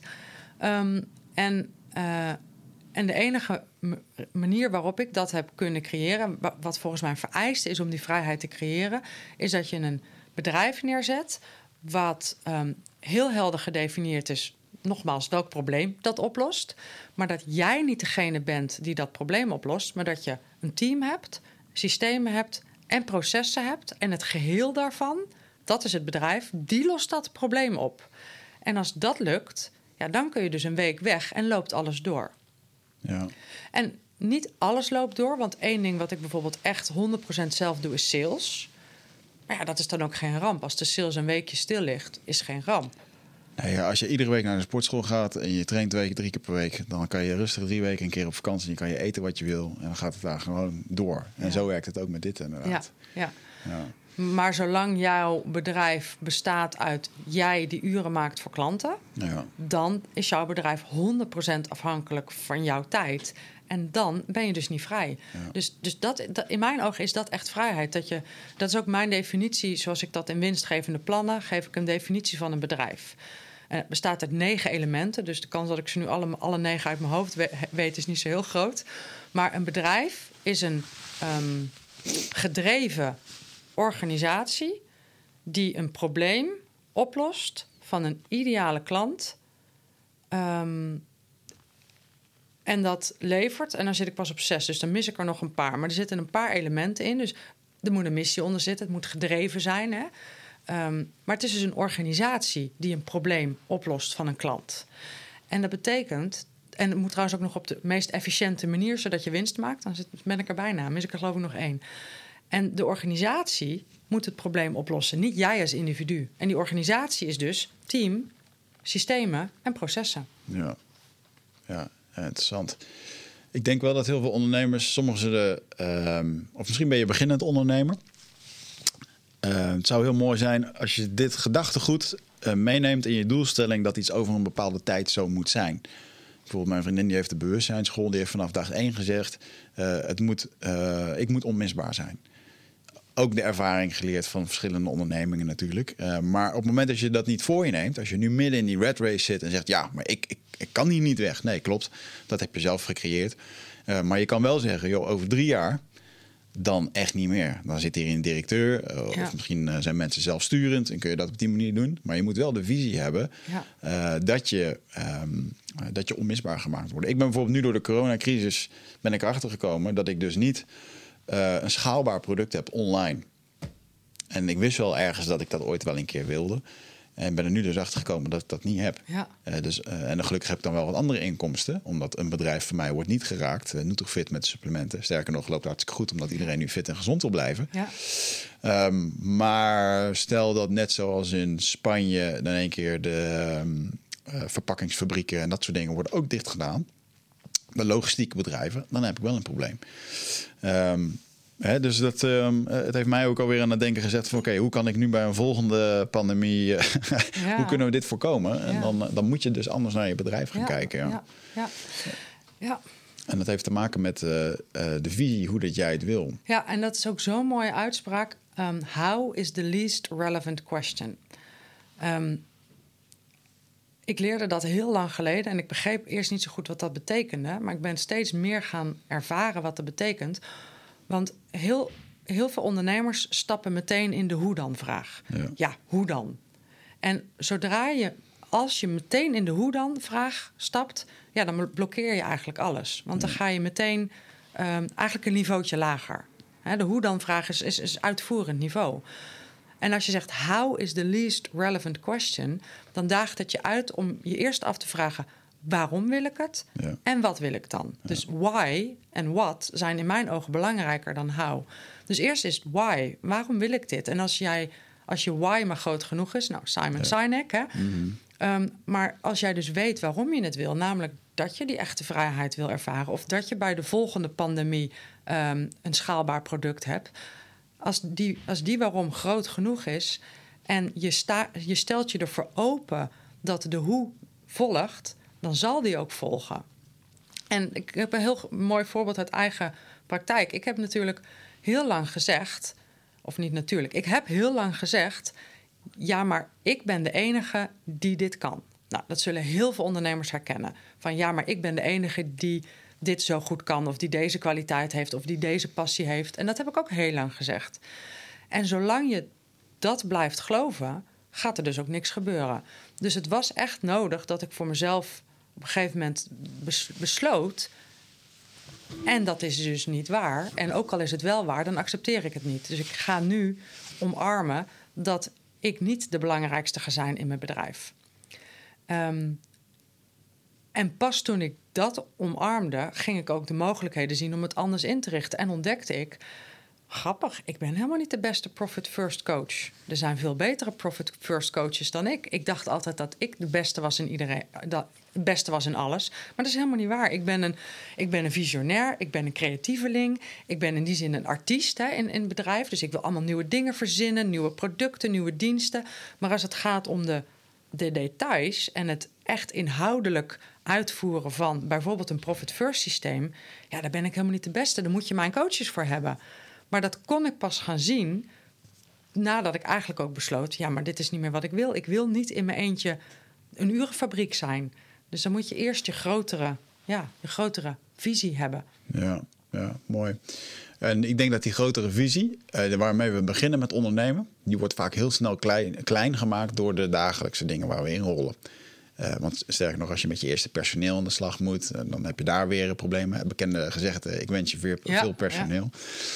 En ehm, ik denk dat het eh, ehm, zo ontzettend eh, gezond is om af en toe gewoon ook even zelf uit die business te gaan. Op vakantie te gaan, weet je. Ja. Even weg ervan. Of op zo'n 30.000 euro kostende boot. Ja, als Ja, je dat kan, voor, als je dat kan, ja, moet je dat vooral doen. hè. En dan, dan levert dat vaak veel meer dingen op. En eh, dat, dat- het idee eh, dat eh, vroeger ging op vakantie en dan mocht je van werk weg en dan eh, ging ik twee weken op vakantie. En dan de eerste week was ik toch nog een beetje bezig, bezig met werk. En af en toe keek ik dan nog wel eens in mijn mail. En dan die tweede week dacht ik, fuck it, ik ben nu op vakantie. En dan in één keer zat je vol met ideeën waarbij van alles ging stromen. En dan had je overal zin in. En dan de passie begon weer te stromen als het ware. Creativiteit begon te stromen, omdat je kop leeg was. Ja, En vervolgens kwam je terug en dan ben je zo weer in dat riedeltje van... Ja, eh, je zit er weer in hetzelfde als dat ik eerst zat. En eh, ik denk dat het, eh, ja, daar moet je wel bewust in worden. daar moet je echt bewust in worden. En, en, en dat vergt dus ook een stukje discipline. Ja, Ja, en dan kunnen we allemaal vinden dat discipline een moeilijk woord is of niet leuk of eh, wat dan ook. Maar ja, het vergt in mijn ogen echt wel een stukje discipline. ja, Ja, ja, en dan kom je toch op de vraag, hoe graag wil je iets? hoe graag wil je iets? En, en wat ben je en wat heb je ervoor over? ja. Ja, Ja, en hoe graag wil je iets? En inderdaad, de vraag die je goed stelde van ja, wat wil je dan? Vind ik een hele mooie. Ja, hoe wil je jezelf dan voelen? Want dat is vaak een ding. Ja, je bent nu ondernemer, je vindt het vervelend, je bent fucking druk. Eh, het lijkt alsof er geen geld overblijft. Eh, er zijn overal dit en dat. Oh, altijd druk. Oké, maar eventjes een hele simpele vraag. Hoe wil je je dan voelen? En dan gaat het over, wil je niet gestrest zijn? Wil je gewoon relaxed zijn? Wil je geen geld over stress hebben? Oké, ik heb dat bijvoorbeeld twee jaar geleden ervaren... dat ik stress had over geld. En um, toen kwam ik achter dat dat steeds, dat dat steeds terugkwam. Mhm. Dus wat heb ik daarbij gedaan? Ja, ik ben daar eens een keertje mee maar, uh, gaan kletsen met iemand die me daarmee kan helpen. Een hypnotherapeut, een regressietherapeut. Uh, wow. En in één keer worden die dingen opgelost, weet je wel? Want alles wat je nu ervaart is gewoon een projectie over hoe jij naar de wereld kijkt. Ja. En dat ga je iedere keer opnieuw krijgen, iedere Ja. keer opnieuw krijgen. Ja. En uh, die, die relatie, en dat vind ik, um, uh, ondanks dat ik ontzettend blij ben dat je je boek hebt geschreven. Um, en uh, bijvoorbeeld Rich Dad, Poor Dad bij heel veel mensen in de kast staat. En oh, dat heb je misschien zelfs al met je boek volgens mij wel eens gezegd, met Profit First. Uh, en een merendeel wat zich aanmelden voor de tweedaagse. Ah, tof dat Femke komt. Ja, ik heb Profit First wel gelezen, maar ik heb het niet helemaal uitgevoerd. Nee. Oké, okay, dus alleen het boek lezen is vaak nog niet genoeg om, nee, om echt nee. uh, het gevoel en hebben en houden ja. zover te krijgen ja. dat we ook daadwerkelijk uh, de stappen gaan maken. Nee, echt. Ja. Uh, je hebt helemaal niks aan kennis als je er niks mee doet. Ja. ja je kunt beter één piepklein dingetje wel doen dan al die honderden boeken lezen en er niks mee doen. Ja, ja. ja ik moet uh, lachen om Paul Smit die hier zat. Die dan uh, duur betaalde trainingen bij bedrijven geeft. En die dan ook gewoon zegt: Ja, maar het heeft helemaal geen nut dat die mensen komen naar die training. Nee. dus sowieso moeten ze nu ook aangeven dat ze het zelf willen. Dat is ja. wel heel belangrijk. Ja. En uh, daar, daar gebeurt al, daar komt in ieder geval verandering mee. Ja. Uh, maar dat interne stuk van hoe dat je je voelt over bepaalde dingen en uh, de onvrede die je nu voelt in het ondernemen, die kan je alleen maar wijzigen door als je je voor gaat stellen: oké, okay, hoe wil je dan wel voelen en wat moet ik daar dan voor doen? Ja, precies. Ja. Hey, um, je bent ondertussen ook, um, uh, je hebt drie, vier boekers. Je hebt, vier, je hebt vier boeken meegenomen. Je ik hebt er drie boeken, geschreven. Ik heb er, even kijken hoor. Ik heb, mijn eerste boek was Financiën voor ZZP'ers. Dat heb ik Ja. volgens mij nu zeven jaar geleden geschreven. En dat wordt ieder jaar uh, herdrukt. Dus nu uh, zijn er al 20.000 exemplaren van gedrukt. Dus echt super cool voor een. Nederlands boek. Ja, en daar heb ik het eigenlijk bijna nooit meer over, over financiën voor ZZP'ers. Terwijl het dus nog wel ieder jaar wordt herdrukt. En dus ook nog heel veel wordt gelezen. Ja. Um, maar financiën voor ZZP'ers is eigenlijk gewoon de basis van financiën. Maar toen ik Profit First leerde kennen, toen dacht ik eerlijk gezegd: oké, dit is beter. En daar kan, ja, ik denk dat financiën voor ZZP'ers is, is echt een basiswerk. Hè? Daar leer ik je gewoon ook in. Wat is nou een jaarrekening en wat is nou een boekhouding? Het is echt een basiswerk. Alleen dan wel op zijn femkes, lekker toegankelijk, lekker praktisch. Maar Profit First is in mijn ogen ja, eh, wel even een stapje beter, omdat dat zo praktisch is. Profit First gaat echt over wat staat je te doen om je geld te managen. Ja. Bankrekeningen openen, geld verdelen en dat iedere, iedere week of twee weken opnieuw. Dat is wat je te doen staat. Ehm, nou, toen, Profit First heb ik niet geschreven, maar mijn naam staat wel op de kaft omdat ik het echt heb bewerkt voor Nederland en Nederlandse belastingregels en zo. Ehm, en vlak nadat we Profit First naar Nederland hebben gehaald, ging ik boekhouders en accountants opleiden tot Profit First Professional. En ik noem het zelf ook vaak tot winstadviseur. Ja. En toen dacht ik, wacht, ik heb zelf ook nog een boodschap. De winstadviseur. Ik wil dat boekhouders en accountants stoppen met over het verleden te praten en met hun klanten gaan hebben over de toekomst. Ik wil dat boekhouders en accountants winstadviseur worden en hun klanten helpen hun doelen te bereiken. En of dat nou winst is of ehm, op je veertigste met pensioen... of je kinderen schuldenvrij laten studeren of een wereldreis maken... maakt niet uit wat je doel is. Dus ik had ook doeladviseur kunnen doen, maar dat bekt minder lekker. Ehm, maar winstadviseur. Dus toen Ja. schreef ik dat boek. En ehm, een jaar later schreef ik winstgevende plannen. En winstgevende plannen is echt weer voor ondernemers. Nou, dat is dat rode boek. En eh, winstgevende plannen is, gaat echt over de vraag... wat wil je met je bedrijf? En eh, het gaat eigenlijk over drie dingen. Mindset, plan, actie. Dat zijn de drie stappen die ik in dat boek doorloop. Maar het gaat er ook letterlijk over om je doelen te vertalen in geld. Hoeveel ga je nou eigenlijk verdienen met je plannen? En ehm, dat heb ik min of meer in een, in een zomer geschreven. Deels op een eh, campingstoeltje op een iPad. Eh, want dat, dat zit zo in mij, dat boek. Dat, dat is een methode die ik al zeven jaar aan ondernemers overdraag in events. Dus dat zit zo in mij dat ik dat gewoon echt zo kon opschrijven. En toen dacht ik, ja, en nu wil ik eigenlijk dat eh, de winstadviseur... ja, dat heeft internationale potenties. Ja. Dus die heb ik vervolgens samen met een uitgever vertaald. En die is, ja, die is nu net op Amazon.com over de hele wereld te koop. Dus dat is echt ook wel een, een enorme stap om, een, ja, om als Nederlandse auteur een internationaal boek te hebben. Echt wel Ja. mega cool. En gewoon op Amazon te staan. ja, tof. Ja. Dus um, en nou, winstgevende plannen wil ik eigenlijk ook, nou niet eigenlijk, gaan we gewoon ook vertalen. Maar uh, dat wordt dan 2021. En um, ja, dus dat, die heeft ook internationale potenties. En uh, ja, ik, ik ben eigenlijk nog niet uit waar mijn volgende boek over gaat. Maar ik wil.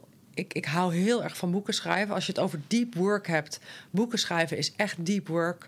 En dat is zo creërend. Dat is zo eigenlijk zo'n creatief proces. Mm -hmm. En ik kan daar zo ultiem van genieten om een boek te schrijven. Dat ik dus eigenlijk zit te hopen op het uh, volgende boek, wat in mij landt. Maar het is er nog niet. Ja, ja, dat komt dan wel. Ja, dat komt wel. Along the way. Ja. Ik denk dat uh, ja, het is wel tof hoor, dat je laatste boek ook zoveel verkocht is. Dat het echt wel een, gewoon een. Uh, uh, ja, dat is een goede. Gewoon het, wat is het winstgevende plan van je bedrijf? Ja. Heel veel mensen kunnen er geen antwoord op geven. Ja, want winstgevende plannen heeft een maand op één gestaan in de managementboek top 10. Ja. En dat was ook zo'n zo'n voorbeeld. Geen enkel boek van mij heeft nog op één gestaan. Zelfs Profit First heeft niet op één gestaan. En um, het was echt nodig dat ik de wens had en dus ook de mindset had, maar ook het doel had.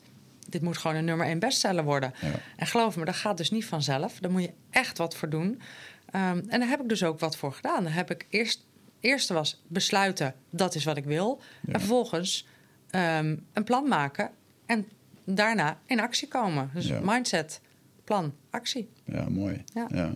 Wil je de geheimen vertellen van een bestseller? Ehm, Of als je Nou, ik weet, ik weet niet of het de geheimen zijn. Wat zijn de geheimen van de bestseller? Een van de geheimen van een bestseller is volgens mij ehm, ehm, dat, je, dat je moet zorgen dat er in korte tijd heel veel verkocht worden. Mhm. En dat betekent eigenlijk dat een bijkomend geheim van een bestseller is dat, je, dat het verkocht krijgen van het boek misschien wel net zoveel tijd en moeite en energie moet kosten als het schrijven van het boek. En ik denk dat heel veel auteurs, en dat, zo heb ik dat ook bij mijn eerste boek gedaan, die schrijven een boek en die denken: ha, klaar. Ja. En als dat is hoe jij je boek schrijft, ik schrijf een boek en dan ben ik klaar, dan wordt het nooit een bestseller. Ja. Dus eh, je, je schrijft een boek, maar eigenlijk voordat de eerste letter op papier staat, moet je al bezig zijn. En hoe ga ik het een bestseller maken? Welke acties ga ik uitzetten? En hoe ga ik zorgen dat in een korte tijd iedereen het boek koopt? Want als, als je bij wijze van spreken 4000 boeken verkoopt over een heel jaar, dan zit er nooit een piekmoment in om op één te komen. Dus je moet dat piekmoment creëren. En dat kan alleen maar door er. Ja, dat is, dat is een bewuste actie. Dus dat betekent dat je al heel snel mensen moet gaan informeren over het boek. En ook uh, moet gaan uh, warm maken en enthousiast maken en nieuwsgierig maken. En eigenlijk zorgen dat ze het allemaal op het juiste moment kopen. Ja. En dat is in die, in, die, in die lanceringsweek moet iedereen gewoon je boek kopen. En dan kun je acties verzinnen. En ik heb ook samen met de uitgever daar een actie voor verzonnen. En die uh, actie hebben we zo vormgegeven dat ook Managementboek dat een goede actie vond. En Managementboek is die actie ook weer gaan delen onder het totale bereik van Managementboek. Ja, en dan heb je dus heel veel um, mensen die tegelijkertijd uh, de aandacht erheen sturen. Ik, de uitgever, Managementboek. Ja, en dan heb je alle energie gebundeld. Ja. Maar dat gaat dus niet vanzelf, want Managementboek kan geen actie promoten die ik niet verzonnen heb. Ja. En ik kan niet een actie verzinnen op de dag dat het boek uitkomt. Dan ben ik ongeveer drie maanden te laat. Ja. Dus je moet dat echt plannen. Je moet dat van tevoren neerzetten. Dus dat Ja. is echt een kwestie van een goed plan maken. Ja, ja, mooi interessant. Ja. ik uh, kijk er naar uit om. Uh, ik kijk er ook naar uit naar jouw boek. Ik heb meer zin. Ik vind, ik zat toevallig voor naar opgeschreven. Ik heb echt een haat-liefde verhouding met het schrijven gekregen. Oh, ik kan ja? echt soms een dag achter die computer zitten en dan staat er een alinea waar ik tevreden over ben. Oh, ja. En soms dan tik ik er een, een avond dan echt een. Uh, dan zit je in de, in de muse, weet je wel. Maar ik kijk er eigenlijk veel meer naar uit om het straks gewoon te gaan vermarkten. Want daar kan je zoveel content over maken. En uh, als Ja. ik iets leuk vind om te doen, dan is dat het. Ja. Dus uh, uh, ja. En ik heb ook alweer uh, ideeën voor volgende boeken. Maar, En wanneer komt het uit? Uh, september, oktober. Ja. Oh, wauw. Dus Cool. daar heb ik wel... Uh, Cool. Tenminste, als ik het allemaal ga halen. Ik moet het nu in juni afschrijven. En uh, ik merk dat ik ervan begin te zweten als ik het over heb. ja. maar uh, ik heb er wel heel veel zin in, omdat... Uh, ja, uh, en voor mij is het. Uh, ik, ben, ik heb me dus een beetje afgezet dat ik van het. Uh, dat er heel veel verkocht moet worden in het begin. Dat zou heel mooi zijn. Maar voor mij is dit ook een lange termijn verhaal. Dat, uh, als je gewoon, stel dat ik over 10 jaar 80.000 80 boek heb verkocht. dan, dan, dan vind ik dat ook. vind ik dat misschien veel meer waard dan nu. Uh, 3000 of 5000 boeken en in, in de lijstjes komen. Ja. Want ik, ja, ik ben gewoon heel erg praktisch daarover. Dan zeggen mensen, ga je nooit, gaat, gaat je nooit lukken? Dan zeg ik, ja, gaat wel lukken. Want ik ga gewoon iedere maand spreken. En er zitten zoveel mensen. Zoveel procent koopt een boek. Dus als ik dat dan tien jaar gewoon lang doe, dan, ja, dan gebeurt dat gewoon. Ja, tuurlijk. Ook, weet je? Tuurlijk. Over mindset gesproken. Ja, en, Ja. ehm, maar dat moet dan wel gewoon, gebeuren. En dat, ik herken dat wel, dat, eh, dat heel veel schrijvers schrijven het boek. En dan, ik ben een schrijver. Ja, Ja. Ik heb, je bent inderdaad een schrijver. Maar best writing is geen bestselling. Nee, precies. Nou. Ja. Maar ehm, eh, hoe is het eigenlijk? We, zitten alweer bijna op de... Bijna twee uur. Oh, wauw. Ehm, wat, wat staat er dit jaar voor jou te wachten? Je hebt een... eh, ja, ja, goed, we, we wisselen elkaar uit met evenementen. Ja. Ehm, wat, wat staat er bij jou op de, op de agenda? Nou, op de agenda, eh, ik heb eigenlijk ieder jaar twee grote events. Eentje voor boekhouders, accountants en business coaches... die winstadviseur of Profit First Professional zijn of ambiëren. En dat is ProfitCon. En eh, die is eh, traditioneel ieder jaar in juni... maar die hebben we dit jaar verzet naar oktober. Ja. En dat vind ik, dat vind ik wel jammer. eh, want ik hou nogmaals heel erg van zalen met mensen. En ik ben ook een podiumdier. Ik hou van op het podium staan, dus dat mis ik nu. En ik denk wel dat het een, ja, de enige juiste keuze is om het te verzetten naar oktober. En ik, nou ja, ik hoop Ja. heel erg dat het in oktober echt door kan gaan. Ja. Vette sprekers had je bij de vorige editie. Annemarie van Gaal. En, eh, Ja, en we hebben dit jaar ook zulke gave sprekers. Arjan van Erkel, Ja. Wichert. Wichert komt spreken. Daar ben Ik ik echt heel blij mee dat je komt. Ik, Ah, eh, ik vind het echt geweldig. Je bent eh, een van onze topsprekers. ah, ik heb erover nagedacht. Wat ga ik nou aan al die boekhouders vertellen? Ja, In de zin van, nou natuurlijk, hè, ook boekhouders zijn mensen en hebben persoonlijk leiderschap nodig. Maar nee, een hele mooie diverse line-up. En ook eh, Ja. Michael van Profit First. Die, eh, Mike McCallowich komt. Nou, dat Eh, vind ik dus heel grappig. De, ik, in Amerika zeggen ze heel snel... I shared the stage with bla bla bla. Dat betekent dat je op hetzelfde evenement hebt Oh gesproken. ja, ja, ja, ja. Eh, dus eh, iets, mijn ego vond het heel erg mooi om eh, in de badkamer te denken... ja, straks dan kan ik zeggen I shared the stage. Mooi. mooi. Mooi dat het dan nou, dan werkt. moeten we ook even een, een fotootje maken dat je de stage hebt geshared. Zeker, ja. Ja, ja, dan, ja, ja. dus dat moeten we dan even regelen. Ja, Ja, ja. ja. Nou, dan moeten we even heel tactisch doen. Dan laat je hem eerst spreken. Dan kondig je mij aan. Dan loopt hij van het podium af. En dan geef ik hem even zo'n high five. Van uh, Ja, precies, nu ga ik. precies, en dan maken we van dat moment een foto. Precies. Nou, maar daar ben ik echt heel trots op. We hebben echt een geweldige line-up. En eh, als luisteraars nu luisteren, profitcon.nl. Eh, en ProfitCon staat voor winstconferentie, dus eh, profitcon.nl. Ja. En eh, ja, geweldige line-up. En er staat ook een video van vorig jaar. En daar, daar voel je ook de energie.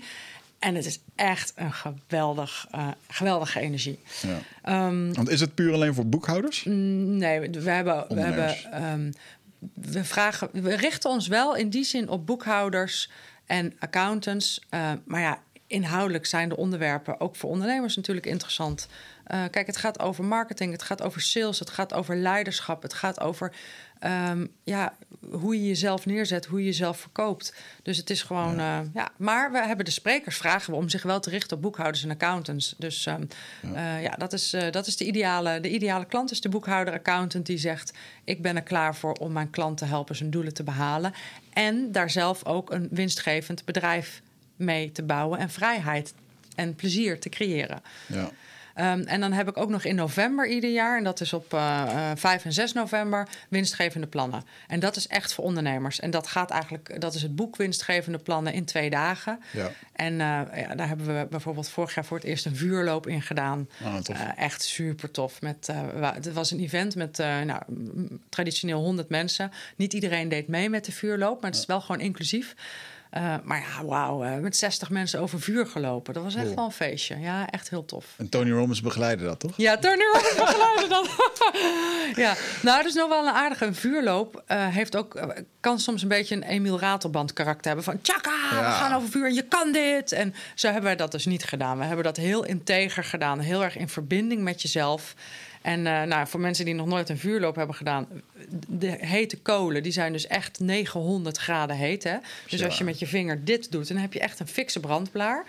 Um, en daar loop je dus overheen, uh, ongeveer twee meter. En het is niet super lang, maar het zijn wel uh, een aantal stappen. En je hebt geen brandblaren. En dat komt enkel en alleen En, eh, en hoe het echt kan, ja, dat weet jij misschien nog beter als Indiaan dan ik. Dus misschien moet jij dat nog even toelichten. Maar dat kan echt enkel en alleen omdat je je focust op waar je heen wilt en niet op uh, de pijn. Ja. Uh, want als je er overheen gaat van nou, ik weet nu zeker dat ik mijn voeten ga verbranden. En uh, uh, nou, uh, bel de ambulance maar vast. Ja, dan gaat het dus wel mis. Ja. Dus je focust je op daar waar je heen wilt. Je kijkt ook niet naar het vuur, maar je kijkt naar je doel. En er gaat ook een heel proces aan vooraf. Hè. Het is niet zo dat je uit de bus stapt en het vuur overloopt. Daar gaat een heel proces aan vooraf van... weet je, waar wil je heen in je leven? Wat is jouw visie? Wie ben jij dan? Waar sta je voor? Ja. En vanuit die diepere verbinding met je grote missie, je grote doel... loop je dat vuur over. En dat is magisch. Ja, mooi. Ik heb het zelf nog nooit gedaan. Ik moet heel eerlijk zeggen, ondanks alle magische indianen dingen die ik heb meegemaakt... Uh, weet ik ook niet precies de werking van, maar het is in ieder geval... Uh, ja, ik vind het ook mooi van die Indiaanse mensen die van die spijkerbedden gaan liggen. Ja. En zo. Hetzelfde idee natuurlijk. Ja. ja mooi. Ja. Andere dingen die nog... Uh... Nou ja, nee, dat zijn mijn grootste, dat zijn mijn grote events. Ja, um, ja dat zijn mijn grote events. En heb ik nog andere dingen? Nou ja, ik ben, ik, ik heb ik heb een, een hele omgeving. Ik heb een organisatie, een team, systemen en processen. Uh, die schaalbaarheid en online gaan, is eigenlijk helemaal ingericht. Ja. Wij doen ook al heel veel online. We hebben heel veel online producten. En uh, ja, dit is wel het moment om dat in rap tempo te gaan vermeerderen. Ja, dus mooi. ik ga wel produceren. Ja, dus productie gaan, draaien. Dus we gaan meer zien van jou. Meer zien en uh, productie draaien betekent voor mij creatief zijn. Want ik hoef alleen maar alles te verzinnen en, en, en neer te zetten. En um, uh, het, het, het, inrichten, nou, dat neemt Sonja voor haar rekening. Ja, tof. Ja. Oké, okay, mooi. Nou ja, goed, um, ik uh, hoop nog in de toekomst met jou uh, veel evenementen te kunnen doen. Ja. We hebben Tribe Leaders in Business destijds gedaan. Superleuk. Waarbij Femke een middagdeel voor zich neemt. Uh, als het gaat om uh, ja, het ondernemen, uh, winstvrijheid en plezier, waarin je leiderschap over je onderneming gaat nemen, waar je naartoe wil en ook het stukje marketing. Ja. Um, ik denk dat dat een hele. jij behandelt ook marketing. Nou, je bent zelf ook marketeer, anders kun je geen bestseller maken tegenwoordig.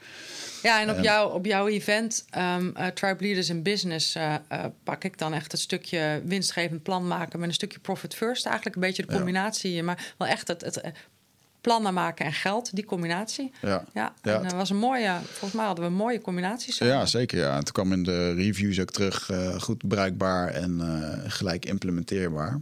Uh, niet iedereen heeft het dan ook geïmplementeerd nog, maar daar, daar ga ik ze nog wel achter een broek ja, uh, voor aan zitten. Er komt een nieuwe editie en die is op 11 en 12 juni. En um, dat zal een digitale uh, editie gaan worden, want we weten natuurlijk niet helemaal zeker hoe het gaat uh, ontwikkelen in de coronacrisis. Uh, mocht je daar interesse in hebben, dan kan je naar wichertmeerman.com en dan kijk eventjes op Tribe Leaders in Business. Daar, daar vind je alle informatie en daar hoop ik je, ja, ik hoop dat je erbij kan zijn. Maximaal 12 ondernemers. En wat misschien nog wel goed is om daarbij te zeggen, is dat online klinkt voor veel mensen soms ook als informatie absorberen en ja, dan moet je daarna alles nog doen. Maar het, het, wordt echt een event waar we echt mensen ook gewoon ter plekke dingen laten doen. Zeker, ja. ja. En het is eigenlijk een on-live, zo moet het eigenlijk een zien. on-live, precies. Uh, het is niet zo dat je gewoon een cursus krijgt en hier, nu kun je twee dagen aan de slag. Gewoon uh, live voor je toegesproken, krijg je opdrachten, wel thuis. En, ja. uh, maar ik wil er wel een beetje een beleving van maken dat je, dat je even beweegt tussendoor. Dat er ook dingen, dat je niet acht uur lang naar Wigert zit te luisteren. Of dat doe je misschien al met de podcast, waarvoor dank. Maar dit moeten we zorgen dat, uh, dat je onderneming echt vooruit gaat. Ja. En uh, uh, nogmaals, de belangrijkste dingen daarin zijn dat je gewoon leert om vanaf dag één winst te draaien. dat je die vrijheid kan creëren. En het allerbelangrijkste is dat je gewoon plezier hebt in je werk. Ja. Zelfs nu. Nu zeker nu in deze, deze Precies. tijden. En we gaan, we gaan er ook in juni gewoon echt een inspirerend praktisch, actief, uh, resultaatgericht feestje van maken. Ja, mooi. En daarna, uh, wat jij doet over vuurlopen, ik stop mensen daarna en dan zweet het. En dat heb jij ook gedaan, hè? Ja, ik vond het geweldig. Wat was jouw grote inzicht? In de... Oh, wat was mijn grote inzicht? Um, mijn grote inzicht had te maken met de, de, de rust meer pakken. En het, het, het, het totemdier, of in ieder geval het, het symbolische dier wat daarbij kwam, was de kat. Oké. Okay. Dus, uh, dat zag je in je, of dat kwam ja, daar gewoon voorbij? die kregen we ook van de... Van de oh, leuk. Ja, ja. ja ik was er niet bij, omdat ik toen de week daarna Precies. bij de commando's in de Precies. modder lag. En, uh, en uh, ik heb er niet aan meegedaan. Ik vond, het, nou, ik vond het vooral een hele mooie, diepe ervaring. Ik vond het een hele intense ervaring. Ik heb er echt, ik heb er heel veel vond het echt heel mooi. Ja, Ja. ik had niet van tevoren zo'n beeld bij. Ik dacht vooral dat het heel heet zou zijn. Maar het was, was veel meer dan dat. Ja, Ja. het mooie wat, daar, wat ik daar altijd in zie is dat je, je komt natuurlijk als ondernemer naar zo'n tweedaagse voor te leren over je onderneming. En uiteindelijk kom je dan zo'n zweet uit, heb je die twee dagen erop zitten en besef je dat het allemaal te maken heeft met ja, wie je bent, hoe jij je wil voelen en waar je gelukkig van wordt. ja, Dus eh, Ja. nou, mooi. ja. Oké, nou, eh, ik ben in ieder geval ontzettend blij dat we die samenwerkingen met elkaar hebben kunnen vinden. Ik hoop dat we dat de komende jaren nog kunnen, kunnen voortzetten. En eh, mocht je dit nu luisteren en denk je, shit, eh, dit is al voorbij, want je luistert het een jaar nadat het is opgenomen. Geen zorgen, regelmatig worden deze evenementen gegeven, zowel van Femke als van mij. Dus kijk daarvoor gewoon op onze websites. En dan wil ik jullie allemaal hartelijk danken voor het luisteren naar deze podcast. Femke, dankjewel dat je hier was. ja, dank voor je uitnodiging, Wichert. Super Graag gedaan. Luisteraars, tot de volgende keer.